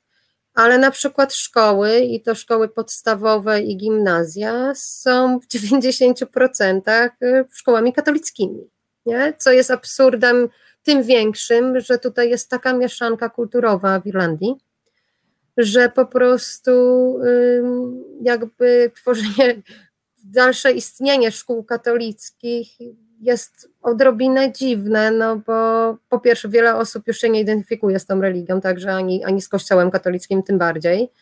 No to jeszcze są osoby jest bardziej krajem wielowyznaniowym na pewno niż Polska, prawda? No ale gdzieś ten kościół jeszcze w tych szkołach, no też traumatyzując dość y, y, restrykcjami, bo też wiem, że wśród osób starszych, no ci, co nie byli jakoś molestowani seksualnie, to po prostu na przykład byli bici przez księży w szkole, bądź jakieś takie sytuacje y, po prostu kar fizycznych, więc ten kościół no sam, sam się skończył, prawda? No. Komentarz Donny Sfery, że Irlandczycy odeszli z kościoła, ale ich miejsce zajęli polscy emigranci, robią tam czarną robotę. Czy faktycznie polscy emigranci jakoś są zintegrowani wokół kościoła, czy to raczej jest trochę stereotyp? Wiesz co, że ja tak naprawdę, bo wiem, że na początku, jak tu przyjechałam, no jest tu polski kościół, czy tam jest jakiś polski ksiądz, wiem, że część, że trochę Polaków e, chodzi tu rzeczywiście do, do kościoła, ale to bardziej wynikało z tego, nie wiem jak to teraz wygląda, wiem, że jak ja tu przyjechałam, no to rzeczywiście coś tam słyszałam, że wiesz, to może pójdź do kościoła, to ci ksiądz pomoże pracę znaleźć, nie? No ja do tego kościoła nie poszłam, co nie jest chyba niespodzianką, ale, ale mm, y, część osób, zwłaszcza na przykład ze słabym językiem angielskim, ale nie wiem, no myślę, że to tak naprawdę, że to nie są jakieś liczby znaczące mm, jakby e, w kraju, to, że tam jakieś paru Polaków poszło w niedzielę do kościoła, prawda? I myślę, że te liczby też, bo dużo Polaków też wyjechało tak naprawdę po 2008 roku i, i także po prostu część no, zmieniła swoje podejście też do, do do, do kościoła katolickiego, ale mi się wydaje, że te osoby, które ja przynajmniej znałam, że oni chodzili rzeczywiście do kościoła, no to chodzili do kościoła po to, żeby ksiądz im pomógł, prawda? Bo mógł usłyszeć ksiądz, że komuś żywopłot podciąć czy coś. No i ten ksiądz rzeczywiście tam jakąś taką rolę pełnił um, pomocnika, czy tam tłumacza, prawda? No to w takim sensie on tu próbował budować, no na pewno bardziej byli tutaj pożyteczni niż, niż w Polsce są, to można powiedzieć, że pewnie paru ludziom tutaj Kościół w jakiś sposób pomógł, ale no ponieważ ja w, te, w tego rodzaju środowiskach się nie obracam, to ciężko mi mówić, jakie są liczby, ile tych Polaków jest i, hmm. i, i jak to wygląda. A jeszcze takie, takie pytanie dotyczące właśnie tych polskich protestów. Jak, jak postrzegacie te polskie protesty? Teraz Ciebie pytam jako Irlandkę, że tak powiem, tak? Jako Irlandka, no i to ciężko jest, bo ja za bardzo się zaangażowałam emocjonalnie. Tak, bo sam Ale... no bo my też jako Związkowa Alternatywa sama też organizowała i spokojnie trochę starałem się pomóc, żebyśmy porozmawiali też o tych e, protestach. E, wiem i widzę i część osób w Polsce tego aż tak bardzo nie rozumie, że na przykład United Union jest w ogóle związkiem bardzo progresywnym w sprawach aborcji, kościoła. My też jako Związkowa Alternatywa jesteśmy postępowi, ale w Polsce to wcale nie jest oczywiste, że związki zawodowe są postępowe, a Solidarność jest wręcz totalnie konserwatywna, OPZZ taki nie wiadomo jaki. Tutaj też nie do końca, wiesz, to było oczywiste, nie? Bo nie wszyscy ludzie chcą zająć y, zdanie czy stanowisko w tej kwestii, bo po prostu mogą tracić członków i to nie jest tak do końca, wiesz, y, no po prostu kalkulują sobie, że wolą albo przemilczeć sytuację, no akurat United jest taki, że jest, no jest pro-choice po prostu oficjalnie, był bardzo zaangażowany w tę kampanię, no teraz też, no po części przeze mnie, nie, no bo wiadomo, że ja tam, tam wiesz, staram się łączyć wszystkich ludzi, którzy mogą sobie po prostu pomóc nawzajem i może mam nadzieję, że jeżeli rzeczywiście dojdzie do tego, co staramy się zrobić, żeby właśnie aktywistów, którzy tutaj walczyli o prawo do aborcji, y, połączyć z tym, co się dzieje w Polsce i pokazać jakieś takie po prostu międzynarodowe wsparcie, y, to, to, by, było, to by było ważne, ale dla Iranczyków to jest przede wszystkim. Oni nie do końca rozumieją, że my walczymy o wszystko, nie? że w Polsce y, jednak tutaj jest ta różnica, że tutaj po prostu ludzie zaczęli protestować. Fakt faktem, że też to ich prawo aborcyjne wcześniej zebrało dosyć duże żniwo. I to żniwo takie, że po prostu wiele kobiet, ponieważ nie otrzymało odpowiedniej pomocy w odpowiednim czasie, no albo to przypłaciło utratą zdrowia, bądź jakąś bezpłodnością, bądź y, utratą życia. I nawet właśnie w tym 2018 roku, jak było to referendum robione, no to poprzedziła to taka bardzo głośna tu historia, gdzie no, kobieta traciła to dziecko i prosili po prostu, bo było wiadomo, że ta ciąża się nie utrzyma. No ale było, był puls dziecka cały czas. No i dopóki był puls dziecka, nie można było działać, no w wyniku czego doszło do zakażenia, gdzie ci ludzie też byli, akurat to było małżeństwo, z tego co pamiętam, to um, oboje byli dentystami, no i prosili też, jako wiadomo, osoby z zapleczem um, po prostu medycznym, żeby już jej pomóc, no ale lekarz niestety mówi, nie, bo tu nie znacie, bo to były osoby z Indii, z tego co pamiętam. Niestety tu nie znacie prawa w Irlandii, no bo dziecko jeszcze, wiesz, pyka serduszko, nie, no w końcu doszło samoczynnie do tego poronienia, ale no już było za późno, no i takich horrorów przez lata było dużo i myślę, że no Polska, jeżeli rzeczywiście ta decyzja Trybunału zostanie opublikowana i to wdrożą, no to wiele kobiet przypłaci to zdrowiem i życiem, bo oni zawsze też lubią takie przedstawiać skrajności. No ja uważam, że wybór kobieta powinna mieć zawsze, ale to, jak oni to zaostrzyli, to rzeczywiście doprowadzi do tego, że ludzie, którzy się starają o dzieci, którzy nie chcą wykonywać aborcji, będą kończyć jako osoby po prostu chore bądź bezpłodne, ze względu na to, że gdzieś tam ingerencja lekarska nie została wdrożona odpowiednio wcześnie, bądź będą umierać.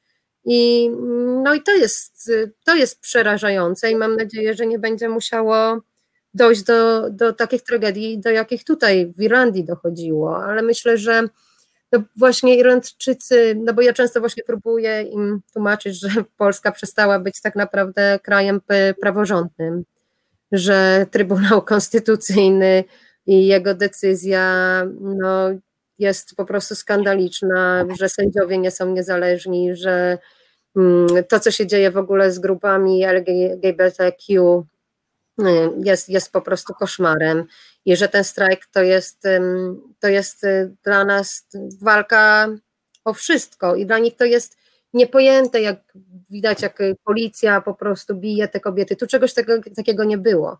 Tutaj była kampania, która doprowadziła do referendum. W referendum zagłosowali ludzie, konstytucja została zmieniona, aborcja została zalegalizowana. Koniec, kropka. Tu nie było policji z pałami, z gazem, mandatów i, i po prostu jakichś koszmarów i i tyle. No. Zresztą też tak samo musiano zmienić konstytucję, jeżeli chodzi o, o małżeństwa y, y, homoseksualne. Bo też jakby definicja małżeństwa była, że to są. Y, no, zmieniono po prostu poprawkę, że niezależnie od, od płci, prawda? Mhm. Jest, może być zalegalizowany związek. Więc, y, no mówię, dla Irlandczyków pewnie to jest takie szokujące, przerażające też trochę ze względu na covid -a. Ale nie spotkałam się tutaj jeszcze z taką opinią, że na przykład ktoś powiedział, no ja też w określonych środowiskach się obracam, nie? Ale nie spotkałam się tutaj y, z opinią, że Boże, co to oni robią podczas epidemii, nie? Jest raczej co to oni zrobili w tym rządzie, co się dzieje w Polsce, że po prostu setki tysięcy osób wyszły na ulicę. To jest pytanie podczas epidemii, no bo każdy wie, że jednak no jest to ryzyko zarażenia się czy zarażenia osoby bliskiej czy poważnych konsekwencji zdrowotnych y, y, związanych z tym, ale gdzieś ludzie dalej wychodzą, prawda? No to nie jest tak, że Polacy wszyscy postradali teraz rozum i nie wiedzą, że jest epidemia. To jest po prostu y, moment, w którym no, prze, prze, przebrała się miarka i ludzie już no, nie mogą wytrzymać, więc to pytanie jest, co takiego się stało, nie? No bo nie chodzi tylko i wyłącznie o aborcję i no, nie protestują tylko i wyłącznie kobiety no to mówię, że to, to chyba, to jest chyba dla nich takim mhm. szokiem i to jest to, co ich przeraża, no bo gdzieś tam na początku mi mówiono, a bo to trzeba zrobić kampanię, ja mówię, no to było w kraju praworządnym, cywilizowanym, robiona kampania, prawda, zrobione referendum i, i tyle, a w Polsce, no nie wiem, też pewnie, myślę, też się obawiam, że do tragedii może dojść na protestach samych, no bo jednak no masz te tak. Chciałem Ci przerwać i powiedzieć, że optymistycznie zakończymy, a teraz już Optymistycznie, nie, no. Nie, no to zakończymy optymistycznie, bo definitywnie nawiążemy, wiesz, współpracę międzynarodową. Myślę, że jest duże zainteresowanie tutaj e, tym, co się dzieje w Polsce.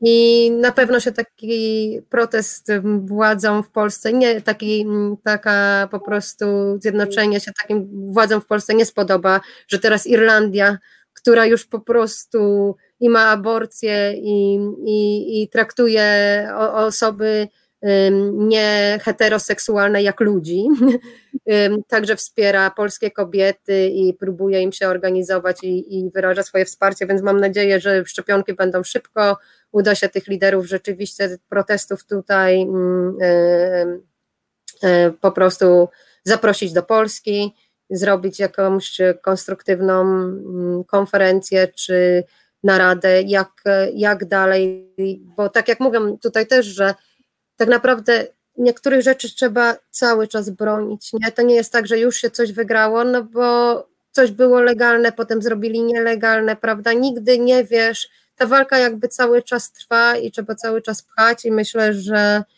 że będziemy pchać międzynarodowo, prawda? Razem i, i, i tak, no, no nie tylko to dotyczy kobiet, rodzin, wszystkich. Też tak myślę. Dobra, będziemy na chwilę obecną kończyć. Może spotkamy się w tym programie na przykład za miesiąc czy dwa i może będziemy na innym też etapie w Polsce i może też tymi napiwkami coś się uda w Polsce i Irlandii, bo to też jest ruch, który zasługiwałby na jakąś międzynarodową, e, na międzynarodowe działanie. Na dzisiaj Ci dziękuję. Za chwilę porozmawiam o prawie z Piotrem Bocianowskim. Wszystkiego dobrego w Irlandii. Polska jest Irlandią, Irlandia jest Polską. Dziękuję bardzo. Pozdrawiam. Bardzo dziękuję. dziękuję serdecznie. A my robimy króciusieńką przerwę i zaraz z Piotrem Bocianowskim się słyszymy. Reset Obywatelski działa dzięki Twojemu wsparciu. Znajdź nas na zrzutka.pl.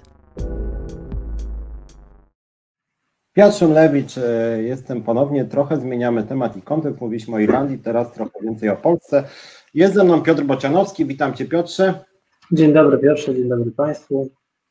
E, trochę pisałeś, że słuchałeś, co mówiliśmy, koleżanka z Irlandzkiego Związku Zawodowego United Union. E, wcześniej mówiliśmy właśnie w pierwszej części o bardzo ciekawej sprawie, mianowicie o napiwkach. Tam jest bitwa o napiwki w Irlandii teraz, jak chodzi o też zmiany prawne i różne środowiska się zastanawiają, co z tym zrobić. Może za tydzień czy dwa porozmawiamy też o napiwkach, bo to jest temat, wydaje mi się, prawnie też interesujący. E, natomiast coś się dzieje takiego na rynku pracy, że coraz więcej pracowników, związkowców się do mnie zgłasza, że tych problemów narasta teraz na rynku pracy. Chyba teraz właściwie koronawirus zaczyna w rynek pracy uderzać e, i tych problemów jest naprawdę coraz, coraz więcej. Kilka takich punktów sobie tutaj korespondowaliśmy z Piotrem, jak co tydzień czy co dwa. E, pierwszy punkt zacząć chciałem, wydaje się szczegółowy, ale w sumie dosyć ważny, bo teraz ludzie zaczynają się bać o utratę pracy. Jedna z pracownic do mnie napisała, że pyta się o to, jak wygląda sytuacja w rozwiązaniu umowy o pracy na czas określony w momencie, kiedy jedna z placówek tej firmy zostaje e, likwidowana. E, ona ma umowę, że nie ma miejsca wskazanego, tylko jest powiedzmy sześć sklepów. Jeden sklep jest zamknięty. W jednym ze sklepów są pracownicy w ramach umów na czas określony, E, I teraz jest pytanie takie, czy e, tej pracownicy na czas nieokreślony, którejkolwiek, można po prostu wypowiedzieć pracę mówiąc, że nie ma dla niej pracy, bo się likwiduje stanowisko, e, czy ona jednak powinna otrzymać miejsce, a, a umowę powinna stracić ta osoba, która miała umowę na czas określony. Krótko mówiąc, czy można się w takiej sytuacji bić o swoje, czy w momencie, kiedy na przykład jest siedem sklepów, to pracodawcy łatwo jest zwolnić jakiegokolwiek pracownika, mówiąc, że zlikwidował cztery stanowiska? Może zacznijmy od tego, że była, czy jest taka praktyka pracodawców, szczególnie gdzieś sieć sklepów, punktów usługowych, oddziałów, że wskazywało się ileś tam punktów e, jako miejsce pracy pracownika, żeby prostu przerzucać. W związku z zapotrzebowaniem z jednego punktu na drugi i w przypadku likwidacji e, jednego z punktów, to pracownik przechodził do drugiego. I tak to funkcjonowało przed kryzysem bo niewątpliwie teraz e, sygnały, jakie dochodzą z rynku pracy, czy pracodawców, czy też nawet moich klientów są takie, może będą redukcje. I to duże, w branżach, które no, mają, mają istotne problemy, takie jak gastronomia, e, takich jak e, no, turystyka, ale też e, hotele, ale też e, branża, która dostarcza żywność, e, napoje do hoteli, na imprezy masowe. To, to, to, to, tak powiem, te skutki to są szerokie. Nie wracając do pytania. E, Pracodawca e, ma obowiązek uzasadnić wypowiedzenie umowy na czas nadwyślony. Co to znaczy e, uzasadnić? To znaczy musi wskazać przyczynę, czyli że zostało zlikwidowany dany sklep. Ale w tym przypadku tą przyczynę musi powiązać z wykazaniem, że dla tej pracownicy której, e, no, którą zwalnia, nie ma miejsca w pozostałych sklepach. Czyli to nie jest tak, że jeżeli na przykład w jednym ze sklepów jest wakat, a on nie wypowiada umowy i mówi, twoje stanowisko zlikwidowane, bo zlikwidowałem sklep Y, no to on musi jeszcze wykazać, e, dlaczego, dlaczego nie ma możliwości e, zatrudnienia jej e, w innym miejscu. No bo inaczej ta przyczyna e, przyczyna y, wypowiedzenia no będzie nie tak? I to będzie pozorność likwidacji stanowiska pracy. Pracodawca ma oczywiście swobodę w podejmowaniu decyzji co do struktury swojej organizacyjnej, rozdziału obowiązków, oddziału, struktury oddziału. To nie bada sąd pracy w sprawie, ale sąd sprawdza, czy rzeczywiście doszło do takiej zmiany, że nie ma możliwości zatrudnienia tego pracownika E, w ramach jego miejsca pracy. Więc co jest istotne, to na pewno teraz u pracodawców, którzy zatrudniają co najmniej 20 pracowników, znajduje zastosowanie tak zwana ustawa o zwolnieniach e, grupowych. O tym już rozmawialiśmy i e, podkreślenia wymaga, że, że ta ustawa no, wprowadza pewne obowiązki, ale przy tym, przy tym jakby tutaj kazusie Ważne jest również to, że pracodawca w tym wypowiedzeniu powinien wskazać e, kryteriów, kryteria naboru, e, doboru pracownika do zwolnienia.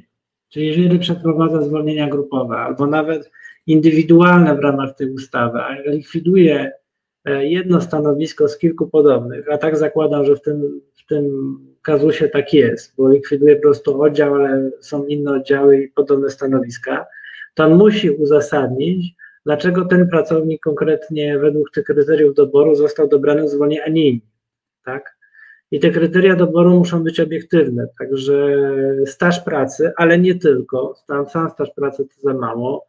To jest kwestia oceny umiejętności pracownika, e, jak też również e, kwalifikacji, e, zajmowanych stanowisk, długości zatrudnienia u pracodawcy. Czasami osobista sytuacja jest też tym kryterium, chociaż ja tutaj ostrzegam, że pracodawcy, że ten osobista ocena może być subiektywna i trudno też wiedzieć o wszystkich aspektach życia pracownika. Więc on musi to określić i wykazać, dlaczego dany pracownik. Jeżeli tego kryterium, znaczy jeżeli to uzasadnienie jest e, no, takie lakoniczne, nie uzasadnia, dlaczego ona konkretnie, dlaczego jej konkretnie stanowisko zostało zlikwidowane. Nie ma kryterium doboru, czyli nie wskazano, dlaczego konkretnie tego pracownika się zwalnia. No to możemy mówić oczywiście potencjalnie, bo nie znamy szczegółów sprawy, o wadliwości takiego wypowiedzenia. Tak? Ale też proszę pamiętać, że pracownicy, którzy są zwalniani w ramach zwolnień grupowych, otrzymują odprawy. Jeżeli pracownik odwołuje się do sądu pracy i mówi, chce odszkodowanie, bo to wypowiedzenie jest nieuzasadnione, no to co robi pracodawca? Pracodawca w odpowiedzi na pozew wnosi pozew wzajemny i mówi, to zwróć mi odprawę. I de facto pracownik wychodzi, czasami wychodzi na, na zero, więc przez ten e, przestrzegam. Czy, jakie może powiem tylko w, w kilku słowach, jakie błędy często się pojawiają przy zwolnieniach grupowych, też zwolnieniach indywidualnych z przyczyn dotyczących pracodawcy. Przede wszystkim pozorność likwidacji stanowiska pracy, czyli to, o czym mówiłem, że de facto to stanowisko pracy no, nie jest likwidowane albo możliwość jest zatrudnienia pracownika gdzie indziej. E, druga kwestia to jest pozorność w zakresie przyczyn likwidacji. To jest zupełnie inna rzecz, czyli czy sąd no, nie bada tego, co pracodawca, nie ocenia tego, co pracodawca robi w ramach reorganizacji, czy to jest słuszne, że likwiduje ten sklep, a nie inny, ale bada, na pewno bada, czy to prawda, że ta reorganizacja, likwidacja tego sklepu y, wymusza likwidację stanowiska pracy danego pracownika. To jest kwestia tego, że gdy ta likwidacja stanowiska pracy jest jedynie zamiarem pracodawcy, że to nie jest tak skonkretyzowane w procesie decyzyjnym, że pracodawca myśli, zwalnia, a później się okazuje, że nie, że jednak tego nie przeprowadzi. No i tak jak mówiłem, brak wskazania kryterium doboru. Co jest istotne w tym kazusie, który opisałeś, to jest to, że w tych innych placówkach są osoby na umowach na czas określony. I pamiętajmy, że pracownik nie może być dyskryminowany ze względu na rodzaj umowy o pracę. Czy jest ona jest na czas określony, czy też jest nieokreślony, e, obowiązuje tu zasada zakazu dyskryminacji, czyli nierównego traktowania z powodu jakichś tam kryteriów niedozwolonych. Więc jeżeli to jest taka sytuacja, że pracodawca, no nie wiem, jest, nie wiem, oczywiście tego nie ujawnia, ale czy pracownik wie, że ona jest zwalniana tylko i wyłącznie z tego powodu, że ma umowę na czas nieokreślony, a tamtych zostawia się, bo te umowy się łatwiej rozwiązuje, bo nie trzeba podawać przyczyn, albo one ulegają rozwiązaniu w krótkim okresie, no to też jest jakiś problem no, do, do argumentacji ze strony pracownika i kwestionowaniu tego, e, podnosząc kwestię dyskryminacji. Tylko ja mówię, że tutaj trzeba ostrożnie, bo jeżeli pracownik kwestionuje wypowiedzenie definitywne i mówi nie, to jest pozorne, to pracodawca co mówi, to oddawaj z powrotem odprawę. I, I tu jest taki to dosyć e, problem duży dla, dla pracowników. No i podsumowując, na pewno musi uzasadnić pracodawca, dlaczego konkretnie wybiera tego pracownika do zwolnienia i dlaczego nie może go zatrudnić w tych pozostałych e, sześciu czy mhm. pięciu punktach na podobnym stanowisku. To teraz może trochę szerszy problem i też taki dyskutowany medialnie, no bo e, nie chcę wchodzić w problemy epidemiczne koronawirusa, ale coraz mniej osób chce robić badania, bo się z tego co słyszę boi tego, że trafią na kwarantannę, E, bo e, boi się, że później po tej kwarantannie nie będzie już miejsca pracy, więc ludzie się nie badają. Część ludzi boi się, że nie dostanie pieniędzy. Jak to dzisiaj w ogóle jest z tym koronawirusem i chorobowym? Czy jeżeli ja mam koronawirusa, czy jestem może inaczej, jak mam koronawirusa, to jest normalna choroba, czy nawet taka przykra bardzo choroba, ale czy jeżeli przechodzę lekko albo jestem na kwarantannie, to czy należy mi się 100% czy 80%? Czy muszę pracować, czy mogę nie pracować? Bo słyszałem, sam ostatnio widziałem, że jakieś były e, plany rządu, ale jaki jest dzisiaj plan prawny? Czy jeżeli na przykład, nie wiem, moja partnerka, partner, przyjaciel, e, ktoś z kimś się zadawałem blisko, miał, ma stwierdzonego koronawirusa, ja na przykład mam kwarantannę, że tak powiem, ogłoszoną, to czy ja wtedy idę na kwarantannę i dostaję ile? 80%, 100%? Czy mogę pracować, czy muszę pracować, jak to dzisiaj jest z tymi regulacjami, bo chyba wielu pracowników o to się pyta i się de facto boi tego właśnie, że, że trafi na kwarantannę i będzie w pracy klops. Znaczy, no, ja może zacznę jeszcze z jednego ciekawego problemu, który wyniknął w ostatnich dniach, e, jeżeli chodzi o, o e, moją praktykę. To jest kwestia, rzeczywiście kwestia problemu pracowników, co gdy pracodawca wyśle mnie na test na COVID, jednocześnie żąda pokazania wyników. Tak? Jest praktyka niektórych pracodawców, którzy, no już kiedyś o tym rozmawialiśmy, że są różne poglądy na ten temat, czy, czy to jest uzasadnione szczególnymi okolicznościami, że pracownik, że polecenie testu na COVID pracodawcy jest wiążące, czy niewiążące. No pojawi się problem szczepień, czy pracodawca może zmusi pracownika do szczepień, czy nie, czy może żądać pokazania przez pracownika potwierdzenia z książeczki szczepień, że pracownik się zaszczepił. E, e, więc tutaj są, tutaj są pewne, pewne problemy się pojawiają i no jest dosyć niepokojąca praktyka pracodawców, którzy wysyłają pracowników na przesiewowe testy na COVID i od razu te placówki przekazują pracodawcy bezpośrednio E, wyniki tego testu. Czyli mają wgląd do danych poufnych, sensytywnych, danych osobowych pracownika. I oczywiście tutaj jest oświadczenie przed tym testem, że to jest dobrowolne przekazanie i tak dalej, i tak dalej. Ja miałem po prostu taką sytuację, gdy pracownik mówi, ja chcę się zaszczepić, ale ja nie chcę, znaczy zaszczepić, przepraszam, chcę przebadać, ale nie chcę pokazywać wyniku e, testu mojemu pracodawcy. E, ja odmawiam. No jak odmawiam, to poniósł konsekwencje w pracy, dostał karę porządkową. za to tylko, że, że nie chciał wyrazić zgody na przekazywanie danych. Ja podkreślam, on się chciał przebadać, tylko nie chciał pokazać tego pracodawcy. I moim zdaniem właściwą ścieżką postępowania to jest, jeżeli pracodawca, tak jak ty mówisz w tej sytuacji, ma y, wątpliwości, tak, że miał, pracownik mówi, jest taka sprawa, moja partnerka, mąż, żona, partner, no mają styczność, czy mają COVID, no to wtedy pracodawca powinien, no to dobrze, to ja cię skieruję do lekarza medycyny pracy, lekarz medycyny pracy wypisze ci skierowanie na test, zrobisz test, pokażesz lekarzowi medycyny pracy, a on mi pokaże tylko zaświadczenie, czy test jest zdolny, czy nie. Tak? I tak by powinno być to procedowane bez ujawniania e, wyniku, no bo to są dane sensytywne i nie ma takiego wprost przepisu mówiącego, że można to przekazywać i pracodawca może żądać. To samo powinno być ze szczepieniami w przyszłości, aczkolwiek praktyka pracodawców jest no, taka niepokojąca. Jeżeli wracając do do, że tak powiem, Twojego pytania i sytuacji, gdy e, no, czy, czy mogę nie, nie przyjść bez konsekwencji do, do pracy, bo żona miała, czy partner miała kontakt z koronawirusem. To nie jest tak, dlatego że no, każda nieobecność w pracy musi być usprawiedliwiona.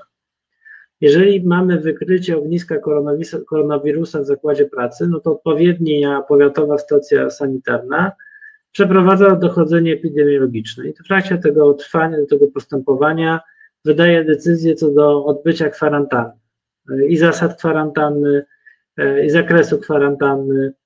Kwarantannie poddawani są pracownicy, którzy mieli kontakt z osobą zakażoną.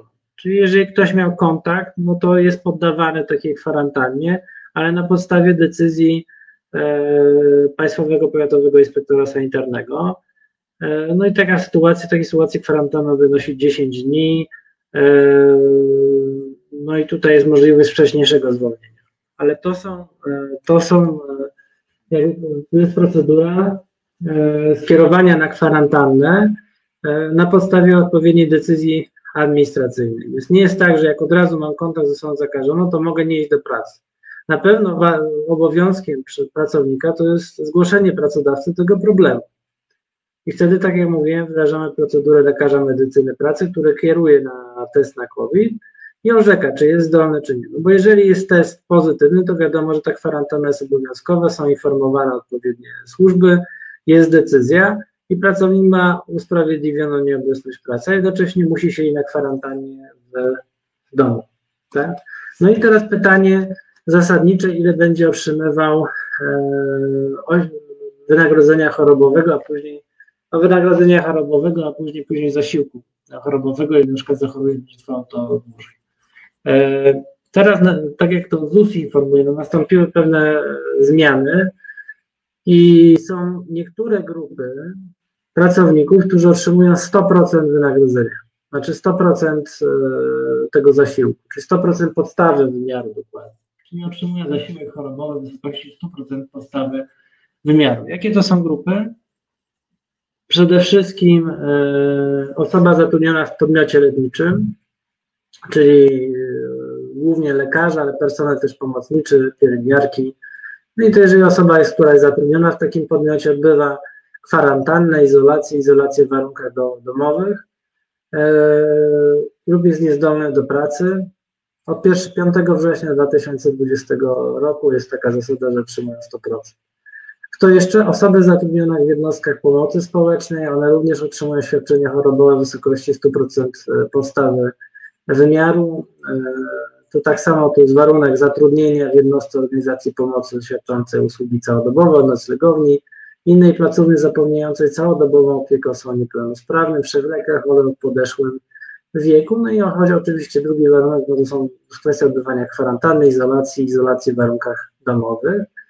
Eee, zasiłek chorobowy w takiej wysokości 100% podstawy przysługuje zarówno objętym ubezpieczeniem chorobowym obowiązkowo pracownicy, jak i dobrowolnie, czyli zleceniobiorcy.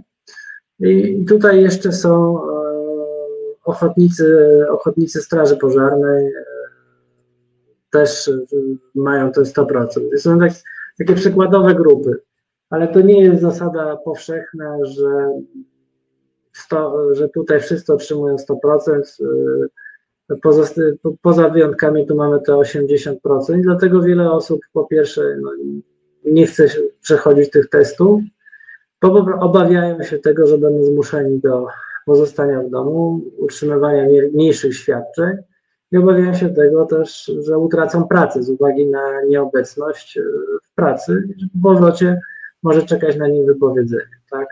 Więc to tak e, mniej więcej ogólnie wygląda. Oczywiście są pewne szczegóły, wyjątki e, dotyczące tych zasad. E, no tak, tak, tak ogólnie można odpowiedzieć na to pytanie.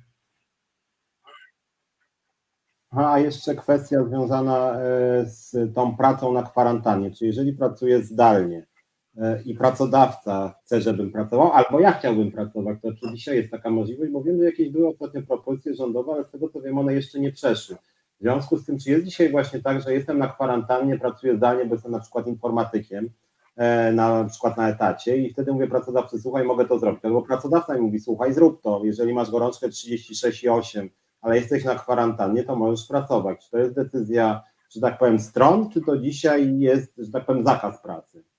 No jeżeli ktoś jest na kwarantannie, otrzymuje zasiłek, no to tu jest, yy, to oznacza, że jest niezdolny do pracy, tak? E, oczywiście w praktyce zdarza się tak, że na kwarantannie jest wydawane polecenie wykonywania pracy. No ale, ale to jest, tylko że to zawsze jest, podkreślam to rozróżnienie, że albo mamy zdolnego pracownika do pracy i on wykonuje pracę, tak? Pracę, albo mamy pracownika niezdolnego i otrzymuje zasiłek nie ma takiego połączenia, że ktoś otrzymuje zasiłek i pracuje. No bo a co wtedy z wynagrodzeniem za pracę, tak? Z wyrównaniem na przykład do 100% podstawy wymiaru. Więc na pewno, no i to też, jeżeli ktoś ma temperaturę i choruje, no to jeżeli choroba, to jest niezdolność do pracy, tak? Jeżeli ma orzeczenie, zwolnienie lekarskie z jakiejkolwiek choroby, no to to nie, nie, nie może wykonywać pracy, tak? Jest e, bogate orzecznictwo dotyczące obowiązku zwrotu wypłaconego zasiłku chorobowego osób, które mm, wykonywały pracę w okresie zwolnienia lekarskiego. Na przykład korzystne jest dla osób, które nie wiem, miały zwolnienie niewykluczające chodzenie, przemieszczanie się, a uczestniczyły na przykład w Radzie Nadzorczej Spółdzielni Mieszkaniowej. No tam nie uznano to uczestnictwo raz incydentalnie jako pracę, ale już w innych przypadkach wykonywanie stałych czynności w tym okresie no, powodowało obowiązek zwrotu tego zasiłku na, e, z powrotem, no bo jako nienależnie wypłaconego. Więc tutaj trzeba po prostu postawić taką grubą kreskę i powiedzieć, albo pracownik jest zdolny i wykonuje pracę i otrzymuje wynagrodzenie, albo jest niezdolny. Oczywiście zasadne byłoby, gdyż jeżeli ktoś przebywa e, na kwarantannie, czyli powiedzmy sprawdzamy, czy zachorował, ale jeszcze nie zachorował, miał możliwość e, wykonywania tej pracy, ale to wyłącza otrzymywanie zasiłku chorobowego, tak? No bo wtedy on wykonuje pracę, więc jest zdalnie. Zdolny, wykonuje zdalnie i jest zdolny do pracy. Mhm.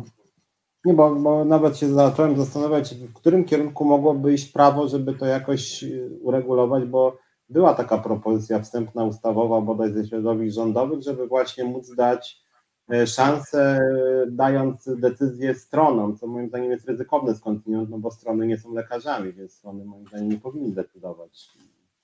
No, y, ja, ja uważam, że e,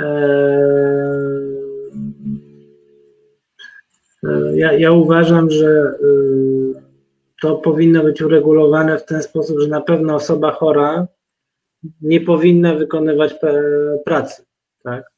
To jest moje zdanie. Jeżeli ktoś jest chory, jest niezdolny do pracy z powodu choroby, to nie można go zmuszać nawet do pracy zdalnej. To jest, to dla mnie jest oczywiste. No jeszcze w październiku było takie stanowisko e, ZUS-u, że mm, przy ustalaniu prawa do zasiłku chorobowego osobie odbywającej kwarantannie stosuje się ogólne zasady określone w ustawie zasiłkowej. Jedną z nich jest pozbawienie prawa do zasiłku chorobowego w przypadku wykonywania pracy chorobowej w okresie niezdolności do pracy. Zatem wykonywanie pracy zdalnej w okresie kwarantanny stanowi okoliczność pozbawiającą prawa do zasiłku chorobowego. Eee, wiem, że to później było zmieniane w, toku prac legislacyjnych. Eee, że wprowadzono rozwiązanie dopuszczające możliwość wykonywania pracy na, e, na, na kwarantannie, tak? Teraz zmieniło się to troszeczkę, jeżeli chodzi o te różne stanowiska ZUS, bo no, jedno, ja też znalazłem takie stanowisko, że jeżeli pracownik jest zdolny do wykonywania zadań zleconych przez pracodawcę i strony umawiają się na typ pracy zdalnej, przy tym pracownik nie występuje o wypłatę świadczeń z tytułu niezdolności do pracy, to nie ma przeciwwskazań do wykonywania pracy w takim zakresie. E, więc e, tutaj jest e, takie rozwiązanie. No więc jeżeli pracownik nie jest chory, czy jest kwarantanną, czyli jest sprawdzany, nie ma jakichś wskazań co do niezdolności do pracy, tylko siedzi w domu i nie występuje o ten zasiłek, no to powinien za tą pracę otrzymać wynagrodzenie. A jeszcze raz podkreślam, że osoba chora, mająca symptomy choroby, e, czyli po prostu niezdolna do pracy, nie może być zmuszana do pracy zdalnej. Nie powinno być tu takich półśrodków, że a jak masz 37,5, to jednak jeszcze możesz przy tym komputerze siedzieć, no mówmy się, że jakby miała 38, to już jesteś chory. Nie. Kwarantanna to nie jest jeszcze choroba, więc tu tak, no, jeżeli jest zdolny i nie występuje zasiłek, no to tak, tutaj taką interpretację trochę inną wprowadził. W listopadzie, to ostatnia jest z listopada, ta poprzednia z października, ale, ale nie, nie w przypadku osób chorych. Ja miałem sam nawet taką sytuację i problem, który tutaj jedna z naszych y, widzek y, pisze, Mirko Milecz, koleżanka X była na wycieczce we Francji, wróciło pół autokaru ze wszystkimi objawami gorączka i tym podobne. Organizator zgłosił w Sanepidzie i co? Sanepid nie zlecił nawet kwarantanny. Znaczy miałem takie sam, spotkałem się z sytuacjami, kiedy na skutek przepracowania Sanepidu zbyt małej liczby urzędników, Sanepid nie reagował szybko i w praktyce dochodziło do moim zdaniem dosyć dramatycznej sytuacji, że E, pracownik albo szedł do pracy i zarażał, będąc przekonanym na, nie wiem, 80%, że ma koronawirusa, tak, albo odmawiał wykonania polecenia i mógł narazić się na dyscyplinarkę. I tu wydaje mi się, że brak w tym wypadku sprawności funkcjonowania państwa, no trochę wprowadzał taki dramatyczny wybór, mam wrażenie, bo rozumiem, że jak nie ma decyzji sanepidu, to ja mam obowiązek iść do pracy po prostu. No bo znaczy to jest zasada jest taka, że kwarantanna jest nakładana automatycznie, gdy pracownik otrzyma od lekarza skierowanie na test na koronawirusa. I jeżeli osoba, z którą mieszka, otrzyma dodatni wynik testu na obecność SARS-CoV-2. E, I tutaj jest, a to jest kwestia e, decyzji administracyjnej, czyli nałożenia tej kwarantanny. E, ale jeżeli ktoś nie testuje się, to my nie wiemy, tak? Z drugiej strony, jeżeli nie jest na kwarantannie, e, nie ma skierowania, nie ma decyzji, która sprawiedliwia jego nieobecność pracy, no to do tej pracy przychodzi. Ale z drugiej strony pamiętajmy, że jeżeli pracownik ma podejrzenia kontaktu z osobą chorą, e, to oczywiście nie ma się obowiązku tłumaczyć ze swojego zdrowia pracodawcy, ale z drugiej strony taki bezpiecznie jest to zasygnalizować. No bo jeżeli się okaże, że zaraził innych pracowników, czyli naraził e, pracowników w zakresie bezpieczeństwa i higieny pracy, albo pracownik też to ma obowiązki, nie tylko pracodawca, no to może ponieść konsekwencje. Więc lepiej powiedzieć pracodawcy, skieruj mnie do lekarza, niech on mnie skieruje na test i zobaczymy, i, i, bo nie chcę zarazić, jestem odpowiedzialny, tak, mam takie podejrzenie, nie jestem chory, ale nie wiem, no to jest lepsze podejście niż po prostu przyjście do pracy lub nie przyjście bez jakby tu ustalenia e, z pracodawcą tej kwestii, tak. Tak, mamy trzy minutki, więc jeszcze może jedna krótka sprawa, bo sprawa e, płacy minimalnej jest długa, więc może ją przeniesiemy na następny program, więc może spytam o urlopy, rzecz ważna dla wielu pracowników, kończy się rok, no i gdzieś przeczytałem, widziałem, że pojawił się zapis, że pracodawca może swobodnie narzucać zaległy urlop na początku przyszłego roku. Rzeczywiście jest tak, że jeżeli ja mam z tego roku zaległe na przykład 12 dni, to pracodawca może mi powiedzieć, wie pan co, panie Piotrze, proszę od 18 stycznia do 30, bo mi się tak podoba, to tak należy rozumieć? E, wiesz co, e, jeżeli chodzi o te przymusowe urlopy e, z powodu jakby koronawirusa, no to ten temat się przewija już przez dłuższy, dłuższy okres. I to uprawnienie do przymusowego urlopu przysługuje pracodawcy, gdy pracownik ma zaległy urlop. Jeżeli nie ma zaległego urlopu, no to pracodawca takiego uprawnienia nie ma, tak? I to jest istotne że tutaj e, te rozwiązania już e, z tego co pamiętam wchodziły przy tarczy 4.0. Dokładnie nie, nie, nie chcę tu wprowadzać w błąd naszych słuchaczy, ale, ale takie, takie rozwiązania zostały e, przewidziane i też powoduje duże wątpliwości, jeżeli chodzi o pracodawców. No teraz jest sytuacja taka, że, że rzeczywiście pracodawcy chcą wysyłać na urlop, bo chcą, nie chcą uniknąć płacenia ekwiwalentu w przypadku rozwiązania umowy o pracy przy zwolnieniu. Więc jeżeli pracownik powiedzmy nie ma, e, nie, znaczy nie ma dla pracownika pracy, no a wiemy, że szukujemy redukcji, no to wysyłam go na przymusowy urlop, żeby wyzerować e, te zaległości i żeby tego ekwiwalentu nie wypłacać. Tak, ale to dotyczy, tak z głowy sięgam zaległego urlopu, a nie bieżącego. Także, także tutaj e, może w następnym programie głębiej i dokładniej to sobie omówimy. Mhm. Tak jak problem pracy po płacy minimalnej, jeżeli chodzi o umowy, no nie umowy, pozostałe umowy, nie umowy zlecenia, nie umowy świadczenia usług, bo to jest ciekawy temat, w szczególności umowy o dzieło. E, mhm. Które tutaj, no, tu chciałem z Tobą też praktycznie porozmawiać, bo jest wiele głosów od naszych też związkowców, pracowników, że właśnie pracodawcy coraz częściej omijają ustawę o płacy minimalnej. Pytanie, czy omijają legalnie, czy nielegalnie. Być może to też byłaby jakaś rekomendacja, żeby trochę to prawo zmienić. Sam brałem udział w jego tworzeniu kilka lat temu i szczerze powiedziawszy myślałem, że jest trochę lepsze niż jest, bo jednak sporo tych umów ucieka z minimalnej płacy. Ucieka. No zasada jest taka, że objęto ta ochrona, ta gwarancja płacy minimalnej dotyczy umów zlecenia i umów o usług, a takie y, umowy jak umowa o dzieło są wyłączone. Tak. Więc to nawet w poradniku mhm. Państwowej Inspekcji Pracy jest mocno akcentowane. Tak, tak, e, tak. Ale do tego przejdźmy w następnym programie, bo moim zdaniem w ogóle to temat jest ważny i dłuższy.